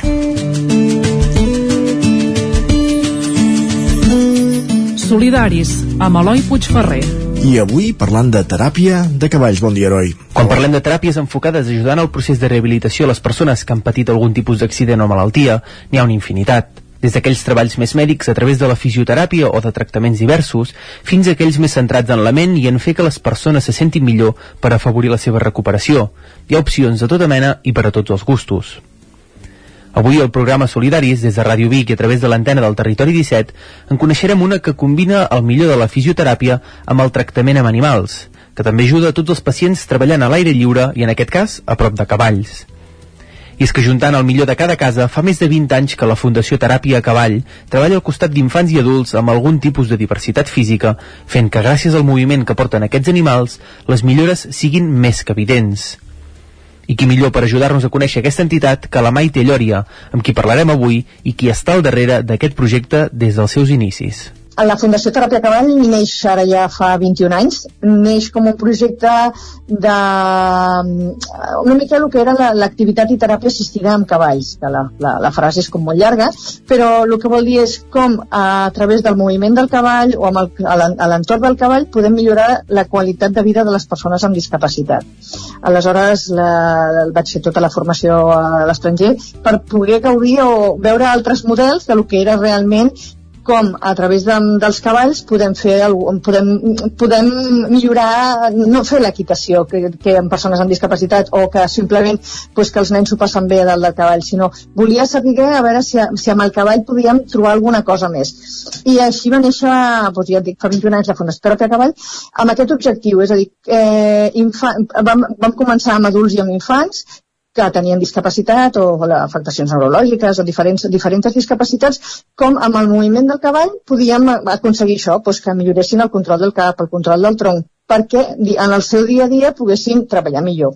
Aleshores, l'evolució d'aquests 20 anys ha anat doncs, que ens hem especialitzat o ens hem adreçat una mica més ja a lo que és l'atenció precoç, als infants petits, en infants a partir de 18 mesos que doncs, tenen paràlisi cerebral, que tenen malalties minoritàries, que tenen una sèrie de, de, de, de, de, de discapacitat o una, una afectacions que fa que aprofitant el moviment del cavall seleccionat de manera correcta i adient puguem doncs, aconseguir totes aquestes millores. És a dir, el que actualment estem fent és una fisioteràpia assistida amb cavalls. Som una entitat que estem a la, a la l'Ametlla del Vallès i mm, en principi bueno, és, és, és unes instal·lacions, no és una hípica oberta al públic, sinó pues, que tenim una, una, un entorn que és privat per, la, per les activitats de la Fundació, tots els cavalls, els set cavalls que hi ha a la Fundació eh, es treballen exclusivament per les sessions i pues, fem pues, l'horari o com, com estaríem en un centre de fisioteràpia. Els nens ven cada, venen cada setmana, pues, igual que a, a tal hora tenen piscina o a tal hora tenen logopèdia, pues, a tal hora tenen les, la nostra sessió, estan una hora fent la, les activitats, la sessió amb nosaltres i després uh, marxen o fan un altre, un altre tipus de teràpia. Ajuntar la fisioteràpia i el món del cavall, però, no va ser un procés iniciat alhora. Precisament va ser la Maite qui des dels seus estudis de veterinària va veure que el moviment d'aquests animals podia tenir una aplicació pràctica per les persones. Llori ens explica com s'ajunta tot aquest procés. La meva formació vaig ser primer, eh, soc llicenciada en veterinària i vaig estar treballant amb, el, eh, amb, amb els cavalls i vaig fer la formació, és a dir, com volia conèixer el cavall com a, com a, com a animal, com a animal pacient, és a dir, és a dir jo intento curar-lo, però a través de, de, de tota aquesta, bueno, d'una sèrie d'anys vaig anar trobant més informació, és a dir, com a través dels cavalls o amb els cavalls o amb el moviment dels cavalls, és a dir, nosaltres, jo sempre diré que utilitzo el moviment del cavall, mai el cavall, perquè el cavall és un ser viu i com a tal no s'utilitzen, sinó que aprofito el seu moviment, aprofito el seu entorn, el que mengen, el com caminen i tot això, per, eh, per, per ajudar les persones. Aleshores vaig fer una miqueta la, la transició, és a dir, primer com a veterinària entenc l'animal, conec el cavall, m'apassiona, diguéssim, què, què, és, què és aquest animal, que és el cavall, i l'altre és que descobreixo que realment, gràcies a tota una sèrie de coses, hi ha una formació, hi ha uns estudis, eh, com amb aquest animal que jo m'agrada puc intentar pues, que persones amb esclerosi múltiple o amb diferents patologies eh, puguin treure'n profit, treure'n treure algun benefici i no solament parlant de l'aspecte emocional, que evidentment al moment que estàs al costat d'un animal, sigui un gos, sigui un cavall, sigui qualsevol animal, la part emocional, la part eh, sensible i tal, millores, perquè estàs al costat d'un ser viu d'un animal, i hi ha alguna cosa més, aprofundeixo una miqueta la informació i veig doncs, que el moviment del cavall té unes característiques molt específiques que simulen el nostre patró de marxa quan caminem. Aleshores, si això ho, est ho, ho estirem i veiem una persona doncs, que té esclerosi múltiple o que ha tingut un accident vascular i que el seu moviment, que la seva forma de caminar és eh, diferent degut a la lesió, si tu seus a dalt del cavall aquesta persona, eh, aquest moviment li reprodueix aquell patró que ell havia tingut abans. Aleshores, anem, doncs, tota la sèrie de musculatura, la columna, tota una sèrie de coses fa que pues, pugui ser una estratègia més de tractament. Aquest moviment, però, s'ha de treballar i aplicar com cal perquè doni els fruits que recull la Fundació Teràpia Cavall en cada pacient. I aquí és on es troben la fisioteràpia i la veterinària. Aquesta rehabilitació, però, és un procés complex. Em permet dir, a veure, aquesta persona doncs, que ha tingut un ictus o que té esclerosi múltiple i que el seu patró de marxa està alterat perquè hi ha una musculatura que té doncs, més, més augment de to, més espasticitat, o que eh, hi, ha un, hi ha un equilibri perquè hi ha un costat que no funciona. Aleshores, si jo el sé que sobre del cavall, el cavall la forma de caminar té un moviment que el que fa és que la persona que està sent, bueno, quan ell, quan ell es belluga, la seva cadera, o la, la seva columna i tot, es belluga doncs, endavant, enrere, als costats i fa una rotació. Aleshores, la persona, quan nosaltres caminem, eh, quan nosaltres caminem normal, eh, fem això mateix. Quan nosaltres avancem la cama, doncs la nostra cadera s'aixeca i avancem el tronc. I hi ha tota una sèrie de músculs que fa que que treballin i que, que, que, que si un fa una acció, l'altre fa l'altra. Aleshores, si tu aquesta persona que ha tingut, doncs, per exemple, un accident vascular i que hi ha una hemiplegia, hi ha un costat que no funciona, i que, i que no l'està utilitzant, quan està dalt del, dalt del cavall, el cavall li, li va com impulsant aquesta, aquesta part afectada. Aleshores, és, li va reproduint aquest patró de marxa. Aleshores, si nosaltres quan caminem eh, doncs, mitja hora eh, fem doncs, eh, 110 passos per, per minut, doncs fem una quantitat de passes, la persona que està sentada a dalt del cavall doncs fa aquestes mateixes passes perquè el cavall l'està portant, li està fent aquest patró de marxa. Aleshores veus que la musculatura, el control de l'esquena, el control del cap, tot fa doncs, que doncs, es, es bellugui d'una manera doncs, molt concreta gràcies al moviment d'aquest animal i perquè pots estar sentat a sobre perquè t'aguanta els quilos. Que a més afegim doncs, que a vegades fem pujades, fem baixades, fem una diferents superfícies, doncs, fa tot això que siguin estímuls que la persona que està dalt respon és a dir, no és passiu, és a dir, jo m'asseco sobre un cavall i que em porti. No, cada cop que el cavall fa una passa, el teu múscul, la teva esquena, la columna, tots els nervis i tot, hi ha, hi ha respostes, perquè si no perdríem l'equilibri que hauríem de costat. Aleshores, cada cop la persona doncs, va rebent informació. Doncs aquest seria a l'adult que havia tingut un patró però que degut a la patologia doncs, l'ha perdut o l'ha disminuït. I quan ens trobem amb uns petits d'atenció precoç de 18 mesos que encara no caminen i que aquest patró no està, diguéssim, encara dintre del seu cervell, no l'ha pogut expressar mai, la, la, la, li ajudes a donar aquesta informació perquè a poc a poc vagi reproduint un patró que a poc a poc anirà expressant, si és que l'ha d'expressar, perquè realment és un nen que a la llarga pot caminar encara que vagi en caminador Si és un nen que pues, per la patologia que té, eh, el que volem és que se, se senti millor pues, perquè a l'hora de la cadira o a l'hora de menjar pues, tingui almenys control de tronc, pues, també li està treballant una miqueta aquesta musculatura. Inicialment, Teràpia Cavall va néixer com una entitat que tenia tant infants com adults, però amb el pas dels anys va anar canviant i va centrar-se més en el tractament a nens. Decisió meditada principalment en funció de les capacitats de l'entitat. Hi ha infants eh, molt petits, vull dir, que neixen pues, per, per, per prematurs, perquè ja neixen amb, amb paràlisi, amb alguna lesió al voltant del part i és el que diagnostiquem com a paràlisi cerebral, o que tenen una malaltia rara i que aleshores pues, no són encara, no, tenen millor pues, un any i alguna i encara no caminen, encara no se senten és a dir, les seves fites motrius encara no les han assolit i que millor no les podran assolir o assolirem unes però més tard. Aleshores, amb, amb tots els infants, quan són piques eh, i tenen algun diagnòstic d'aquest tipus, eh, ja comencen el, els serveis d'atenció precoç de, de, de, als hospitals o a, la, o, a, o a rehabilitació. És a dir, ja de molt petitonets, de 12 mesos o amb 5, amb 5 mesos, ja, ja estan en cada setmana al centre d'atenció precoç i estan fent fisio i estan fent terapia ocupacional, logopèdies, de diferents, diferents teràpies. Aleshores nosaltres som una com una, volem que sigui una teràpia més, és a dir, jo estic fent fisio, però en lloc de fer-ho a sala dintre d'un entorn hospitalari, pup, jo el traslado a les meves instal·lacions en la que hi ha un cavall, una sala, eh, una pista, una, els arbres, un entorn. Aleshores, jo estic fent una sessió de rehabilitació, però perquè estiguem a dalt d'un cavall no hem de començar a esperar que tinguin 4 anys. No, no, podem començar abans perquè no estem assentats, així sentats com a cavall, no? sinó que els podem posar de costat, els podem posar panxeta amunt, panxeta baix, en diferents posicions aprofitant aquest moviment. Per mi el, el cavall aleshores es converteix en una plataforma dinàmica de moviment, és a dir, el cavall es belluga i el nen doncs, hi ha una resposta. I ens hem anat cap a la pediatria per la formació que tenim els professionals que treballem i l'altra perquè els cavalls realment, al moment que estem en, en entorn d'així de pediatria, doncs, bueno, els nostres cavalls que ja porten tota una experiència ja estan molt més tranquils, eh, ja realment eh, també els estàs donant una mica de descans. A mi com a, el benestar dels cavalls també m'importa molt. Eh, algun dels cavalls que ja porten més temps treballant, si constantment estan amb adults, vol dir és molt de pes, és una sessió realment molt més cansada per ell. Al considerar-se un tractament més per pal·liar els efectes d'aquestes malalties, la Covid-19 no els va impedir seguir treballant, però com a totes les entitats, la pandèmia no els ha posat les coses gens fàcils. La història és, hem sobreviscut, en el sentit de que al principi quan es va, quan es va parar tot el mes de març de l'any passat, en principi vam poder seguir una miquetona perquè perquè era una activitat que es realitzava a l'exterior i era una miqueta com, com dient, bueno, no tenim allò que no està ventilat i tal. I l'altre és que el que sí que ens, ens va, diguéssim, la Generalitat, bueno, a nivell sanitari, es demanava que el, el voluntari no estigués en, amb atenció directa al, al, al, a l'usuari, aleshores sí que vam tindre que demanar, no? perquè els voluntaris no podien vindre, per molt que s'oferien a fer sessions, i aleshores vam fer com un grup, un, una bombolla de tres persones, de quatre persones voluntàries que es van, diguéssim, comprometre i que van, van mantindre pues, tota la, la, la, tota l'estona el mateix grup, de manera que no érem compartir bombolles diferents. I aleshores vam poder fer sessions fins a que realment ja el risc de contagi, el risc de, de tot, de, del bloqueig ja es va ser tot general i on ja hi havia masses, masses escoltes, que, que no ve perquè, ostres, al col·le ja aleshores vam tindre que baixar una miqueta el ritme és una miqueta, vam tindre que, que espaiar-ho molt i evidentment doncs, és, també hi havia una disminució d'ingressos però gràcies a un parell d'ajuts que vam demanar per dir, escolta, els cavalls han de seguir menjant, hi hagi pandèmia o no és a dir, el moment que no hi ha sessions eh, els cavalls eh, han de seguir menjant han de seguir treballant, han de seguir entrenant una mica, no?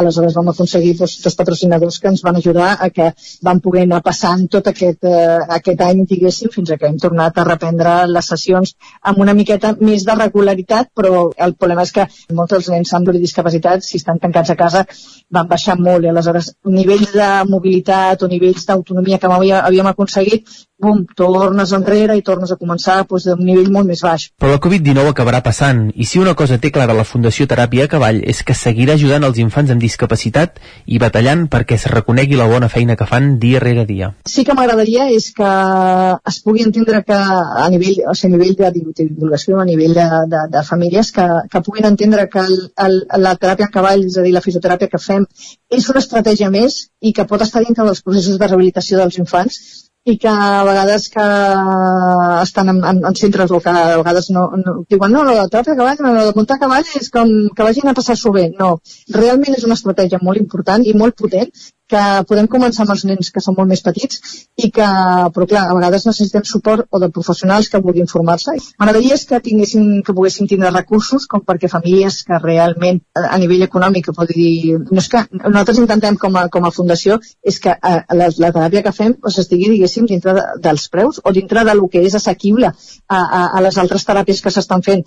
El que tinguin que pagar per sessions sigui el més assequible possible perquè els infants aquí, les, les famílies paguen només un 40% de lo que realment a nosaltres ens costa treure un cavall a pista. I l'altre és formar nous professionals que vegin que és una estratègia més de, de, de treball. I l'altre és que a poc a poc tindré que incloure nous cavalls nous perquè no hi ha, a treballar, els anem retirant i alguns es van jubilant eh? però per tant han de fer recanvis de cavalls. Amb l'ambició per seguir endavant com a mínim 20 anys més la Fundació Teràpia Cavall segueix oferint un tractament alternatiu i efectiu a tots els infants que necessiten un suport en el vessant físic i motriu i és que combinant els coneixements en equitació, veterinària i fisioteràpia, l'entitat ofereix uns tractaments amb segell propi i amb uns resultats més que provats al llarg dels seus més de 20 anys de vida. El nou FM, la ràdio de casa, al 92.8. Cefosol, centre de formació de soldadura GURB. Som especialistes en processos de soldadura. Disposem d'instal·lacions totalment equipades per a classes de teòrica i pràctica amb cabines individuals i equipaments de seguretat. Assessorem empreses i oferim cursos subvencionats i bonificats. Vine i t'informarem. Cefosol, som al carrer Sant Roc número 21 de GURB. Telèfon 664 206 192. També ens trobaràs a cefosol.com i a YouTube. El racó de León. Gaudeix de la nostra terrassa. Vine a tastar les xuletilles de l'Echal a la brasa amb una bona amanida o el xuletón de vedella gallega. No et pots perdre el nostre lechado de Castilla al forn o el cochinillo a l'estil de Segovia. Tot acompanyat del millor celler, al menjador o fora la terrassa. Descobreix la millor cuina de Lleó sense moure't de casa. Vine amb la família, els amics, la parella o sol. T'encantarà. El racó de León, cuina tradicional lleonesa i de mercat. Som al carrer Torelló número 35 de Vic. Per reserves, telèfon 93 889 1950. El racó de León, una cuina diferent. Som especialistes en cargols a la llauna. Vine a tastar-los al racó de León. Quan arriba la nit de Tots Sants, les bruixes tornen a Viladrau. Des de 1997, el 31 d'octubre arriba al Ball de Bruixes, un espectacle de carrer teatralitzat amb música, dansa, llum i foc en què 14 dones de Viladrau es reuneixen per celebrar la seva última junta abans de ser condemnades i executades. Aquest any, doble representació a les 9 i a dos quarts d'11 del vespre. Reserva ja la teva entrada i vine a commemorar la persecució de les bruixes. El 31 d'octubre, 24è Ball de Bruixes de Viladrau. Consulta totes les activitats a viladrau.cat. A Corretja tenim tot el que necessites per la teva llar. Tot tipus de paviments i revestiments, sistemes d'aïllament, cobertes, parquets, aixetes, ferreteria, pintures, fixació i cargoleria, vestuari i material de seguretat. Disposem de més de 3.500 metres quadrats d'exposició amb una nova zona exterior d'aïllaments. A Corretja som especialistes en cuines i banys. Us assessorem, dissenyem i realitzem el projecte des de l'inici fins a la fi del muntatge. 100% cuines, 100% banys. Al carrer Mas Vigues 8 de Vic, a corretja-sl.com o a Instagram. 100% materials per la construcció i la decoració. 100% corretja. Vols noves sensacions en un ambient dels anys 80? Vine al restaurant 80 Spirit Peak. Emocions i bon menjar. Costelles amb salsa de barbacoa, 8 tipus d'amanides, hamburgueses 100% de carn de vedella, carn a la brasa, pollastre, plats combinats, varietat en tapes, hamburgueses per a vegans i vegetarians... Disposem de terrassa amb un ambient acollidor. Descomptes especials per a universitaris. 80 Spirit Peak. Ens trobaràs a la plaça de la Pietat 2 de Vic. Reserves al 93 679 44 43. Territori 17 A Tren d'Alba. Cada dia els usuaris de la línia R3 de Rodalies que veuen sortir el sol des d'un vagó ens expliquen les gràcies i les penes del primer comboi que uneix Ripoll i Barcelona. Benvinguts a Tren d'Alba. Després d'uns dies de tempesta, ara sembla que ha arribat la calma. Primer es va desconvocar la vaga del sindicat de maquinistes SEMAF i el mateix divendres, unes hores més tard, també es va desconvocar la vaga impulsada per l'SF Sindicat Ferroviari pels dies 11 i 12 d'octubre. A veure, aquests últims tenen una representació d'un 15%. Per tant, aquesta vegada sí que les afectacions haguessin estat mínimes. De totes maneres, aquests dies de pont tampoc no sé si ens podem fiar massa de la Renfe. Jo no me'n fiaria ni un pèl, almenys fins dimecres. Va, us deixo amb la crònica d'en Jordi Valls, que el pobre sí que no ha fet pont. Bon dia, sóc en Jordi Valls de Centelles. Sí, sí, avui també. El tren de les 6 del matí, el primer de Vic, ha arribat 3 minuts tard. Molt bé, no? Després de la setmana que vam passar, la setmana passada, tela, telita, eh? Dilluns vam optar pel bus. Dimarts vam pensar que, bé, alguna cosa s'arreglaria. Vam confiar en la Renfe i, com no podia ser d'una altra manera, ens va fallar. Ni el primer ni el segon. Al final vam optar per agafar un cotxe. Un cotxe a dues persones, baixar de Centelles a Barcelona, aparcar, tornar, 20, 20 euros per cap. I, I això qui ens ho paga? No? Més que res perquè això ens hauria de pagar algú, perquè el bono mensual el tenim.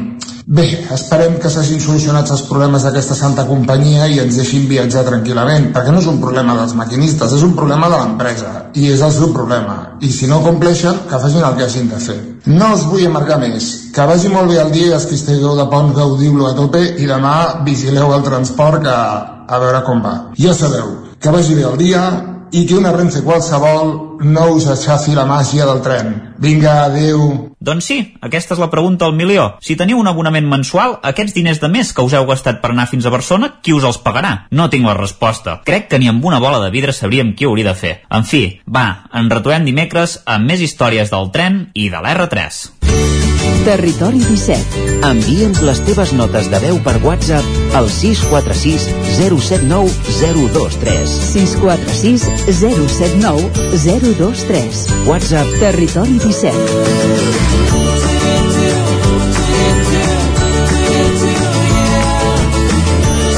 Territori 17. Som a Facebook, Twitter i Instagram amb l'usuari Territori 17.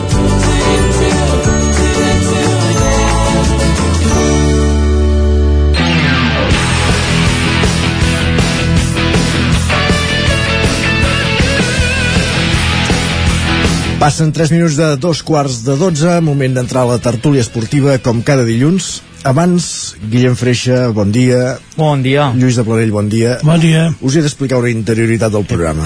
Ep. Ep, alerta, poca broma, eh? La setmana passada vosaltres recordareu perfectament que va dir l'Isaac Muntades de la selecció espanyola de futbol, oi? Sí, sí que ho recordem. Val.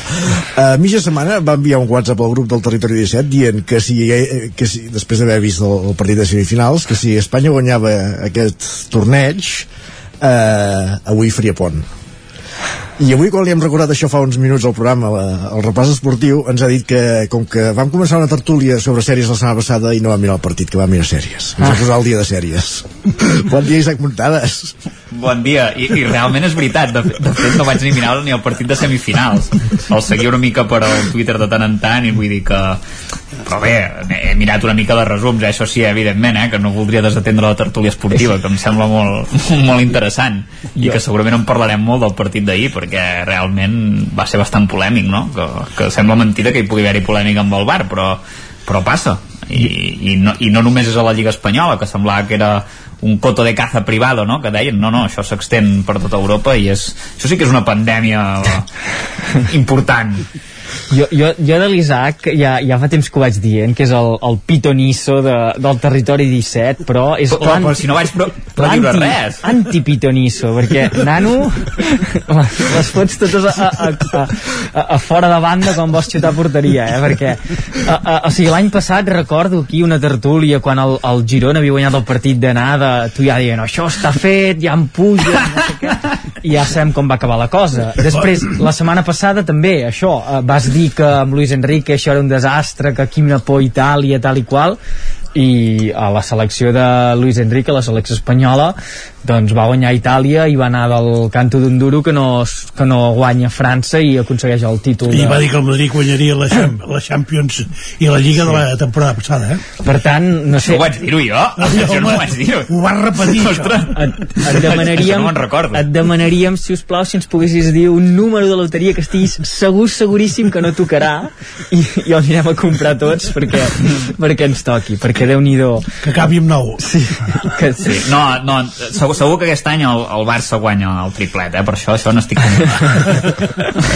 estic dit això Màgia invertida. No, sí. i, i tornant amb la selecció espanyola, eh, jo crec que això, eh, que, que Luis Enrique, tot i les crítiques, tot i les patacades, tot i les decisions que potser a vegades a, a, a priori o abans d'iniciar la competició costen d'entendre, perquè la, la, la setmana passada teníem aquest debat interessant de qui ha d'anar, qui no ha d'anar amb la selecció eh, espanyola, els seus equips competeixen i ho fan a, a, un, molt bon, a un molt bon nivell. Però amb Clau Barça, el, en Sergi Busquets, uh Mhm. -huh. quan va de Blaugrana sembla que està acabat, sí. i amb la selecció Mhm. espanyola re resulta que és el jugador més destacat i Sí, li sí. donen l'MVP del, del Sí. partit. Això m'ho podeu explicar, els culers? Bueno, jo l'única explicació que puc arribar-hi a trobar és que en l'ecosistema futbolístic eh, en què es troba en un lloc i en un altre eh, amb un s'hi troba còmode, segur i amb confiança i amb l'altre doncs deu eh, trobar-se això sense confiança, sense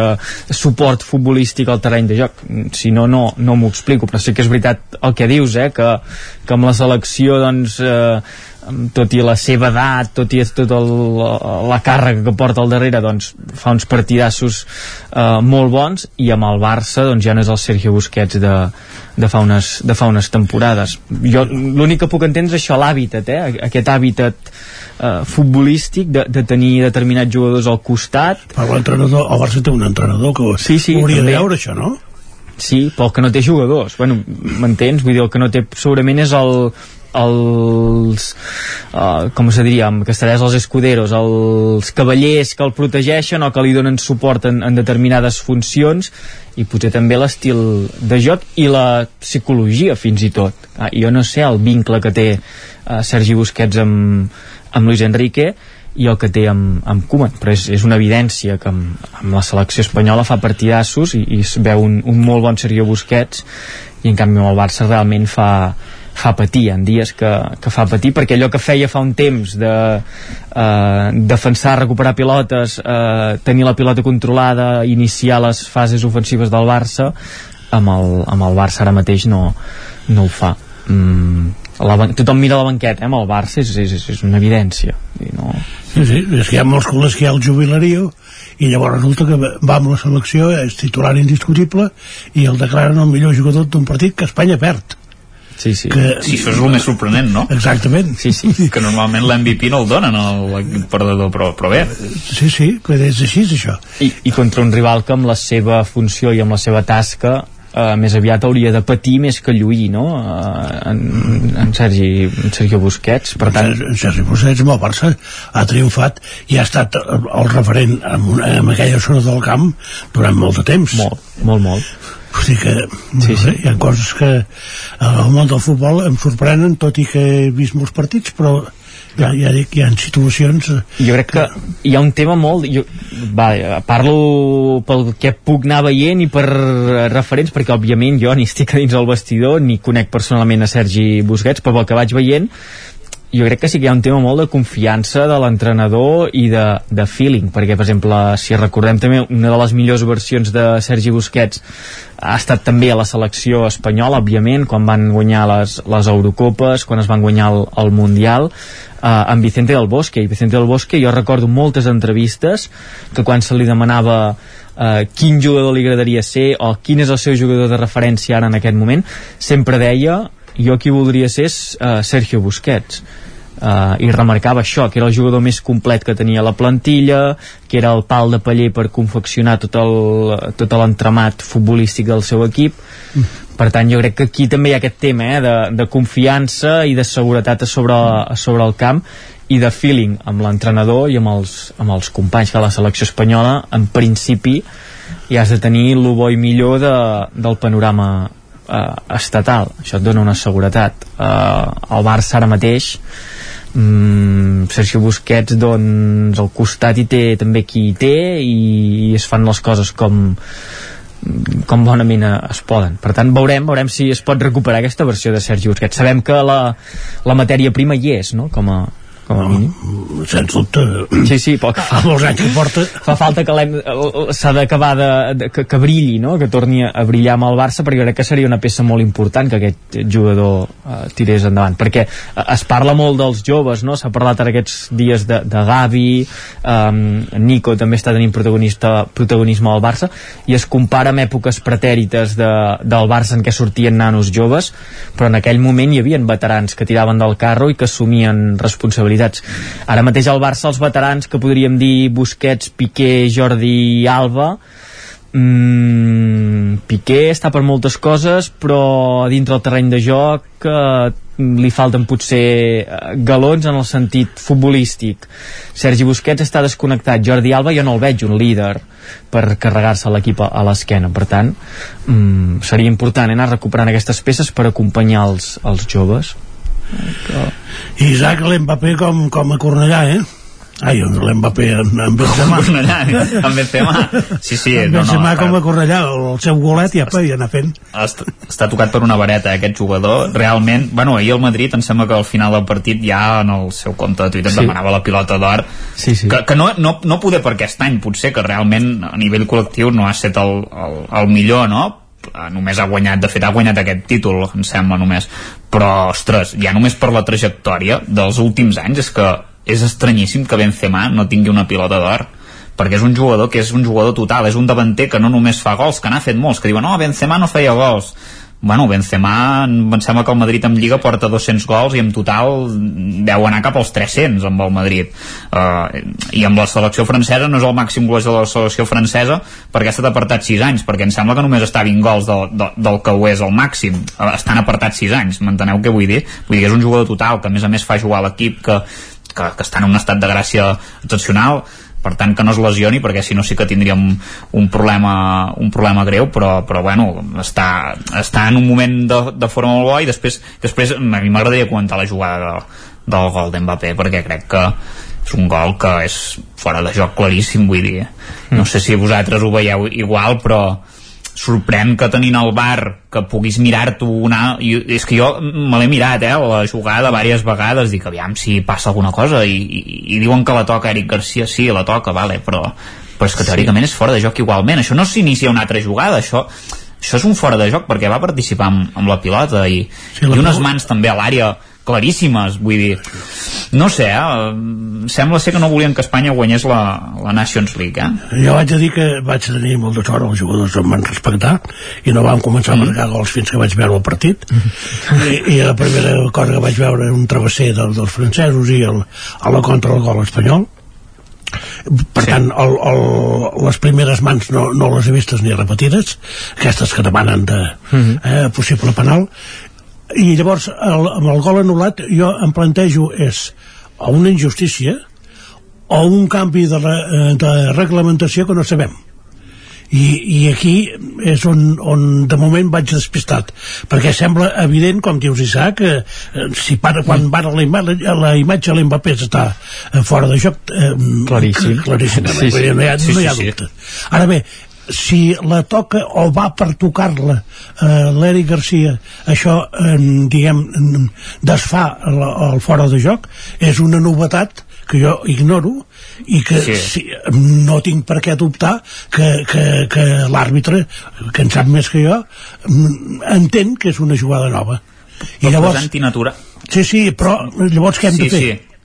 No, no, però dic que és antinatural, no? Que un defensa no vagi a tallar una jugada. Sí. Vull dir, és que l'àrbitre, aquí, si, si no tinguéssim el bar, deixeu, ah, parlant malament, eh? deixem-nos de collonades. L'àrbitre ha d'aixecar la bandera eh, l'assistent, que teòricament és el que hi ha, i s'ha acabat la jugada. I no, I no deixar continuar. El que passa que els àrbitres ara doncs, bueno, tenen aquests problemes de que no, no tenen confiança. Jo crec que el VAR ha fet que els àrbitres siguin més dolents. Sí, sobretot- els de camp. Sí, els jutges sobretot de els línia. assistents. Sí, sí, sí. Perquè es cobreixen, diu, no, no, ja el VAR ja m'ho solucionarà, Mm -hmm. uh, ja, ja es veurà la jugada repetida i em salvarà la papereta. Però clar, mm. ostres, si no perquè els tenim els assistents? Però de no calen maneres, els assistents. he vist, he vist molts assistents que després de- d'acabar una jugada ells aixequen, que, que acaba amb gol ells aixequen la bandera. Però, o sigui, que, que ja l'han vista. El que passa és que no els hi deixen aixecar la bandera. S'esperen. Però doncs això està malament en el reglament. Hauria de, haurien de deixar aixecar la bandera i llavors baixar-la d'aquella manera que la baixen. Que si Sí, però no, sé perquè si... consideren que si l'aixequen quan encara no ha acabat la jugada, si aquella jugada acaba amb gol i l'error humà, Doncs- diguem-ne, eh, queda eh, corregit per al VAR, que és infal·lible en, en teoria, hi hauria Sí, aquesta disfunció. Uh, clar, jo amb aquesta jugada um, sí que veig això, eh, que, que uh, Eric Garcia la toca, es llença a terra, la toca, entenc que la interpretació de l'àrbitre és que és una nova jugada, però jo crec Clar, que després no. la mare dels ous és el que també comenta eh, crec que és precisament Sergi Busquets al final del partit que és clar, eh, Eric Garcia es llença a terra per intentar tallar la pilota perquè pensa que el, el seu contrari no estan fora de joc eh, si hagués vist que estaven fora de joc mm, l'hagués deixat passar i fora de, aixecar el braç i fora de joc uh, per tant en la reglamentació crec que hi ha algun reglament, no sé si és el reglament de la Federació Espanyola que ho diu que uh, això de la nova jugada és quan el davanter no pot treure eh, rendiment o benefici d'això, de, de, de Però- tocar-la llançant-se a terra Exacte, o que sigui un error clarament manifest d'una sortida de, de, de pilota que, o que l'hagués entregat sí, sí, sí, que l'hagués entregat Sí. al porter amb una passada neta Exacte. Eric Garcia i s'hagués avançat però quin reglament preval aquí? el de la Federació Espanyola? no, no, no, clar, eh, però deu provar el de la, el de la UEFA, no? I llavors, Sí, el de la UEFA corrupta, bueno, ja en podem esperar qualsevol altra cosa, no? De la lliga que hi ha to- els principals impulsors de la de la Superliga, evidentment, doncs, la federació que, que està darrere, que, que en aquest cas no hi està a favor, però bé, és igual. Allà, allà ho mesclen tot i llavors passa el que passa, que et trobes amb aquestes situacions. Bueno, són aquests buits, buits dels reglaments i interpretacions Sí. que encara no queden ben definides i que en aquest cas doncs, es van conjurar totes perquè no, perquè no s'aconseguís o perquè no s'apliqués en aquest, en aquest però gol. jo entenc que tant eh, l'àrbitre com l'àrbitre assistent veuen que la posició O de joc. és fora de joc Sí. I per tant deixen continuar si es dona aquesta circumstància vol dir que o, o això, o són corruptes i han decidit Sí, que, sí, sí. que guanya És França això. o Sí, sí. que el reglament ha canviat A veure, i nosaltres no ho sabem Lluís, des del moment en què l'àrbitre, que, que em sembla que és, era Anthony Taylor, que és un àrbitre anglès, que ara poder no sonarà de res, però aquest àrbitre és el que va xiular el partit entre Suècia i Espanya a Suècia, que Espanya va perdre, uh, Sí. i per això se li ha complicat tant la classificació. Uh, quan anava guanyant 0-1, en aquest partit hi ha un penal claríssim sobre Ferran Torres, que no va revisar el bar, que és claríssim. Uh, Espanya s'hauria pogut posar 0-2 i hagués segurament guanyat el partit, no? I, i ens trobem que aquest àrbitre, curiosament, el designen per xiular uh, un partit també transcendent contra Espanya de manera bastant seguida. Vull dir, ostres, jo amb les casualitats, no hi crec, eh, amb les casualitats, vull dir, pot, pot passar una vegada, dues, però i no sé, eh, jo ja ho veig una mica mm, bastant seguit això i sense deixar de- d'entendre que Espanya per exemple té un problema que és el gol eh? que això també és l'altra història que té, eh? que fa, falta gol eh? Uh, Va, no hi ha un jugador allò no no, hi ha un. Mbappé, no hi ha un Benzema sí, sí, exacte, que això és el que ens falta eh? perquè Oyarzabal, bueno, és un bon jugador i va, i va fer el gol, de fet, però, però no, no és un jugador que et farà 25-30 gols per temporada i, i no sé, ara potser ara potser ja Aspas està en un moment baix de forma però Sí. quan, quan, quan estava bé no anava a la selecció i és un jugador que amb el Celta de gols en feia i és un jugador que jo crec que no és pas un mal jugador tocant la pilota que, que de, alguns deien no, és que Luis Enrique no el vol perquè és un jugador més directe bueno, bueno no, jo crec que no el davanter, no sé. jo crec que n'hi han diversos que podrien ser candidats a ocupar aquesta plaça Sí. que durant molts anys van ocupar no? Villa i, i Torres amb, amb la Exacte. selecció espanyola i, i anteriorment Raúl no? um, i que no s'acaba de decidir Luis Enrique per cap la setmana passada dèiem uh, Raúl de Tomàs um, Sí, un altre jugador que també, que també està en un bon moment de forma i que podria anar-hi perfectament. Clar, el no tenir Gerard Moreno, que està lesionat, Morata, que està lesionat, que segurament són els seus preferits, per dir d'alguna manera, doncs eh, ho té més complicat. I, I llavors hi ha un jugador que sí que per mi que sí que té més gol, que és Ferran Torres, que tot i no ser un davanter centre amb la selecció espanyola, em sembla que ha fet 12 gols o una cosa així en 20 i pico partits, vull dir... I, Bueno. I, I ara aprofundim en el debat d'aquest gol perquè hi va haver aquesta polèmica però això també no ens ha de no ens ha d'emboirar la mirada i això que jugava a Espanya aquest cap de setmana era una mica la Copa Colacao perquè no? Sí, Era per sí, substituir sí. amistosos i Sí, fer sí. bullir una mica més l'olla i això que dèiem, Home. que aquestes institucions del futbol internacional Ah, sí, doncs tinguin més arguments per anar posant aquestes dates a- al mig del calendari que jo això ho Sí, trobo sí. nefast que es vagi parant d'aquesta manera uh, la competició de... D'aquí un mes hi tornarem. Clar, és que és uh, Sí, sí, sí. arrencar, tornar a parar amb el que això comporta també pels Exacte. clubs perquè... Per- perquè això I per nosaltres que hem de fer una tertúlia el dilluns. També, exacte, perquè Exacte. no és el mateix. Eh, quan hi ha hagut activitat eh, futbolística de competició local o de primer nivell, podríem dir que, que aquestes, aquests, aquests partits, i encara sort amb els lesionats, perquè eh, hi poden haver jugadors que sí. es lesionin en aquests partits i, i et foten en l'aire. Bueno, o Pedri, Home. Pedri, l'inici de la temporada de Pedri amb el Barça ve marcat per la seva marató de partits amb la selecció espanyola que també hi ha... Però, però això és voluntari. Sí, sí, que Perquè és clar, si en Pedri eh, després de, del Mundial diu no, als Jocs Olímpics no, Ja. me'n vaig a dormir eh, No, però ningú li hauria Pedri- sancionat eh? I no va voler fer En Pedri vacances. estava obligat a anar als Jocs Olímpics, eh? Si la, en el cas de la selecció espanyola, si el crida la selecció espanyola, Ah, sí, tots els home. jugadors que juguin a la Lliga Espanyola Sí. estan obligats a anar-hi. Una cosa són els de, els de D'acord, fora. però una altra cosa és, és Sí. llavors és plantar-ho dir, escolta, acabo de jugar un Mundial Sí, Eh? això sí.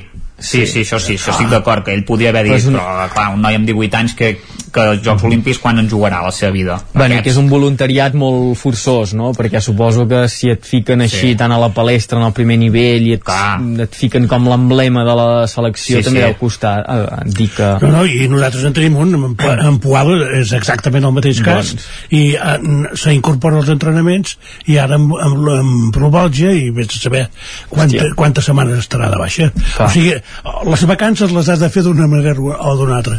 O, o, o per pròpia voluntat, o, O per for- força o perquè estàs lesionat. Vull dir que Veu, ja veus, està. el Madrid amb la selecció espanyola no tindrà aquest problema, No. perquè no, no cap jugador. El problema és amb Benzema, ostres, que era el jugador que no hi anava mai i ara ens el convoquen sempre. Això és el problema. A mi m'alegro molt que no hi hagin pericos a la, a la selecció. Va, en el sub-23, o no sé com ne diuen. Joves, Aquesta no? sí.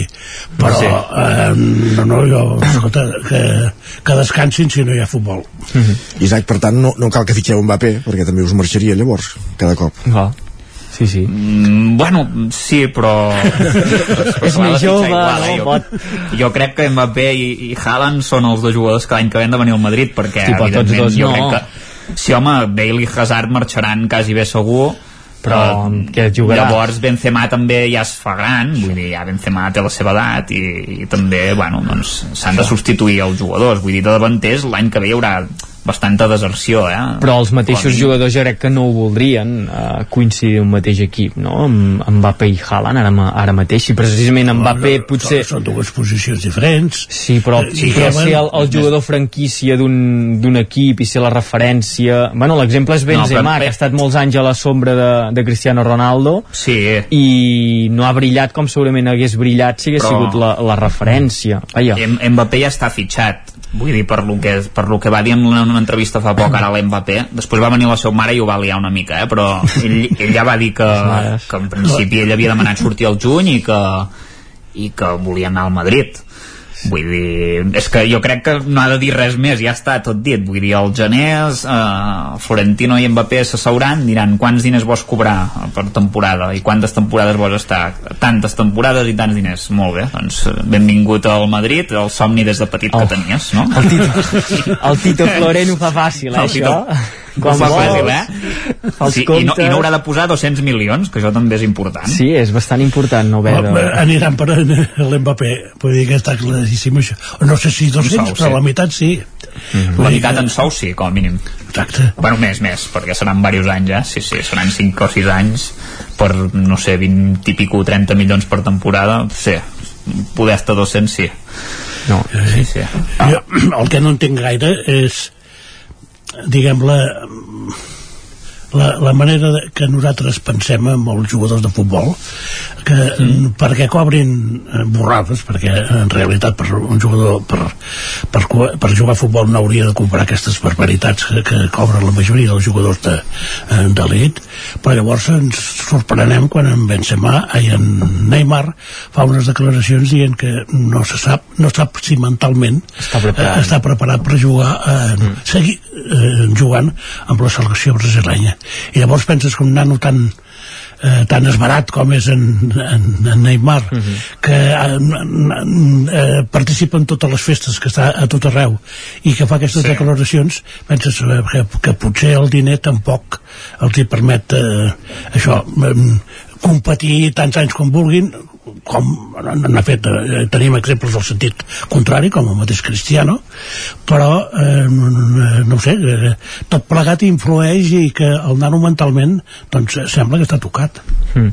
Sí, a Neymar s'havia dit, eh, quan va arribar aquí al Barça, que l'aterrissatge al sortir del Brasil, d'arribar al Barça, que havia costat una mica, que havia hagut de tenir molt la, la família a sobre, i més enllà això, que sigui un nano esbarat, jo crec que Neymar també ha de tenir un entorn molt, molt, concret i potser veu que amb el ritme que porta això no ho pot eh, mantenir i, i fa aquesta reflexió. I és el debat sempre es diu de, no, de, de la salut mental dels esportistes que no ha d'anar no vinculada als diners eh? que els diners no donen la felicitat és, és una obvietat quan veiem a molts, molts mhm. esportistes mm, no sé, sorprèn no? que un jugador com és Neymar que encara té aquest recorregut que segurament ara arribaria potser en la seva maduresa eh, futbolística i, i personal digui, digui això.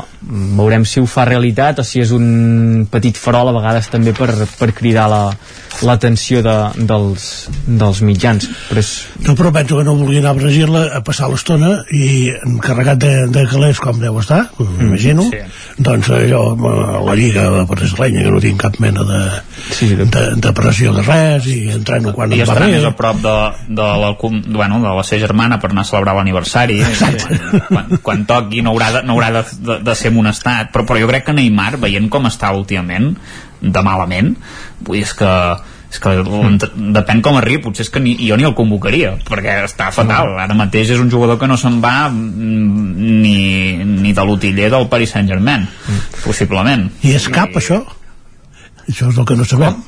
si és cap, o sigui, si és mental o, o, sí, o si és sí. físic que crec que sí, una mica de tot, eh? Físic sí. tampoc, jo crec que tampoc està en el seu millor moment físic.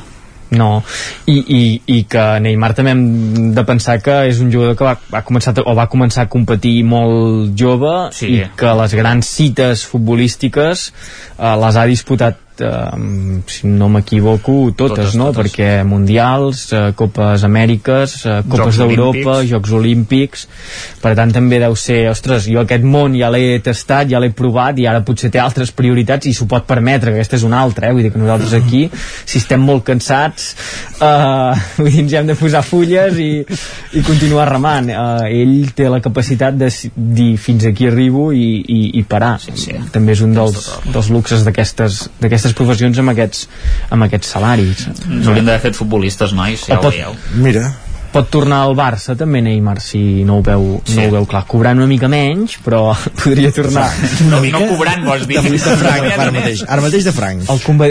pa amb tomàquet el convidaríem a, aquí a les alguna carpes alguna caipirinha soltaria home va oh. alguna festa per aquí uh, amb aquestes condicions ja pot venir el Vic. També, també. Hi ha lliga el cap de setmana? Aquest sí, eh? Sí, sí, sí, el Barça amb el València, em sembla. Molt bé. El Madrid em sembla que està ajornat, eh? Doncs, I per què? I per què? No Això... tinc ni idea, però, però Parlem... posa que està ajornat. Parlem dilluns. Guillem Freixa, Lluís de Planell i Isaac Montades, moltes gràcies. Adéu. Bon dia. Adéu. Adéu. Acabem el territori 17 d'aquest dilluns. Núria Lázaro, Òscar Muñoz, Miquel R, Caral Campàs, Isaac Muntades, Esther Rovira, Eloi Puigferrer, Guillem Freixa, Lluís de Planell, Jordi Sunyer i Isaac Moreno. Us hem acompanyat des de les 9. Bon dia. FM. La veu de Sant Joan, Ona Codinenca i Ràdio Cardedeu amb el suport de la xarxa. El nou FM.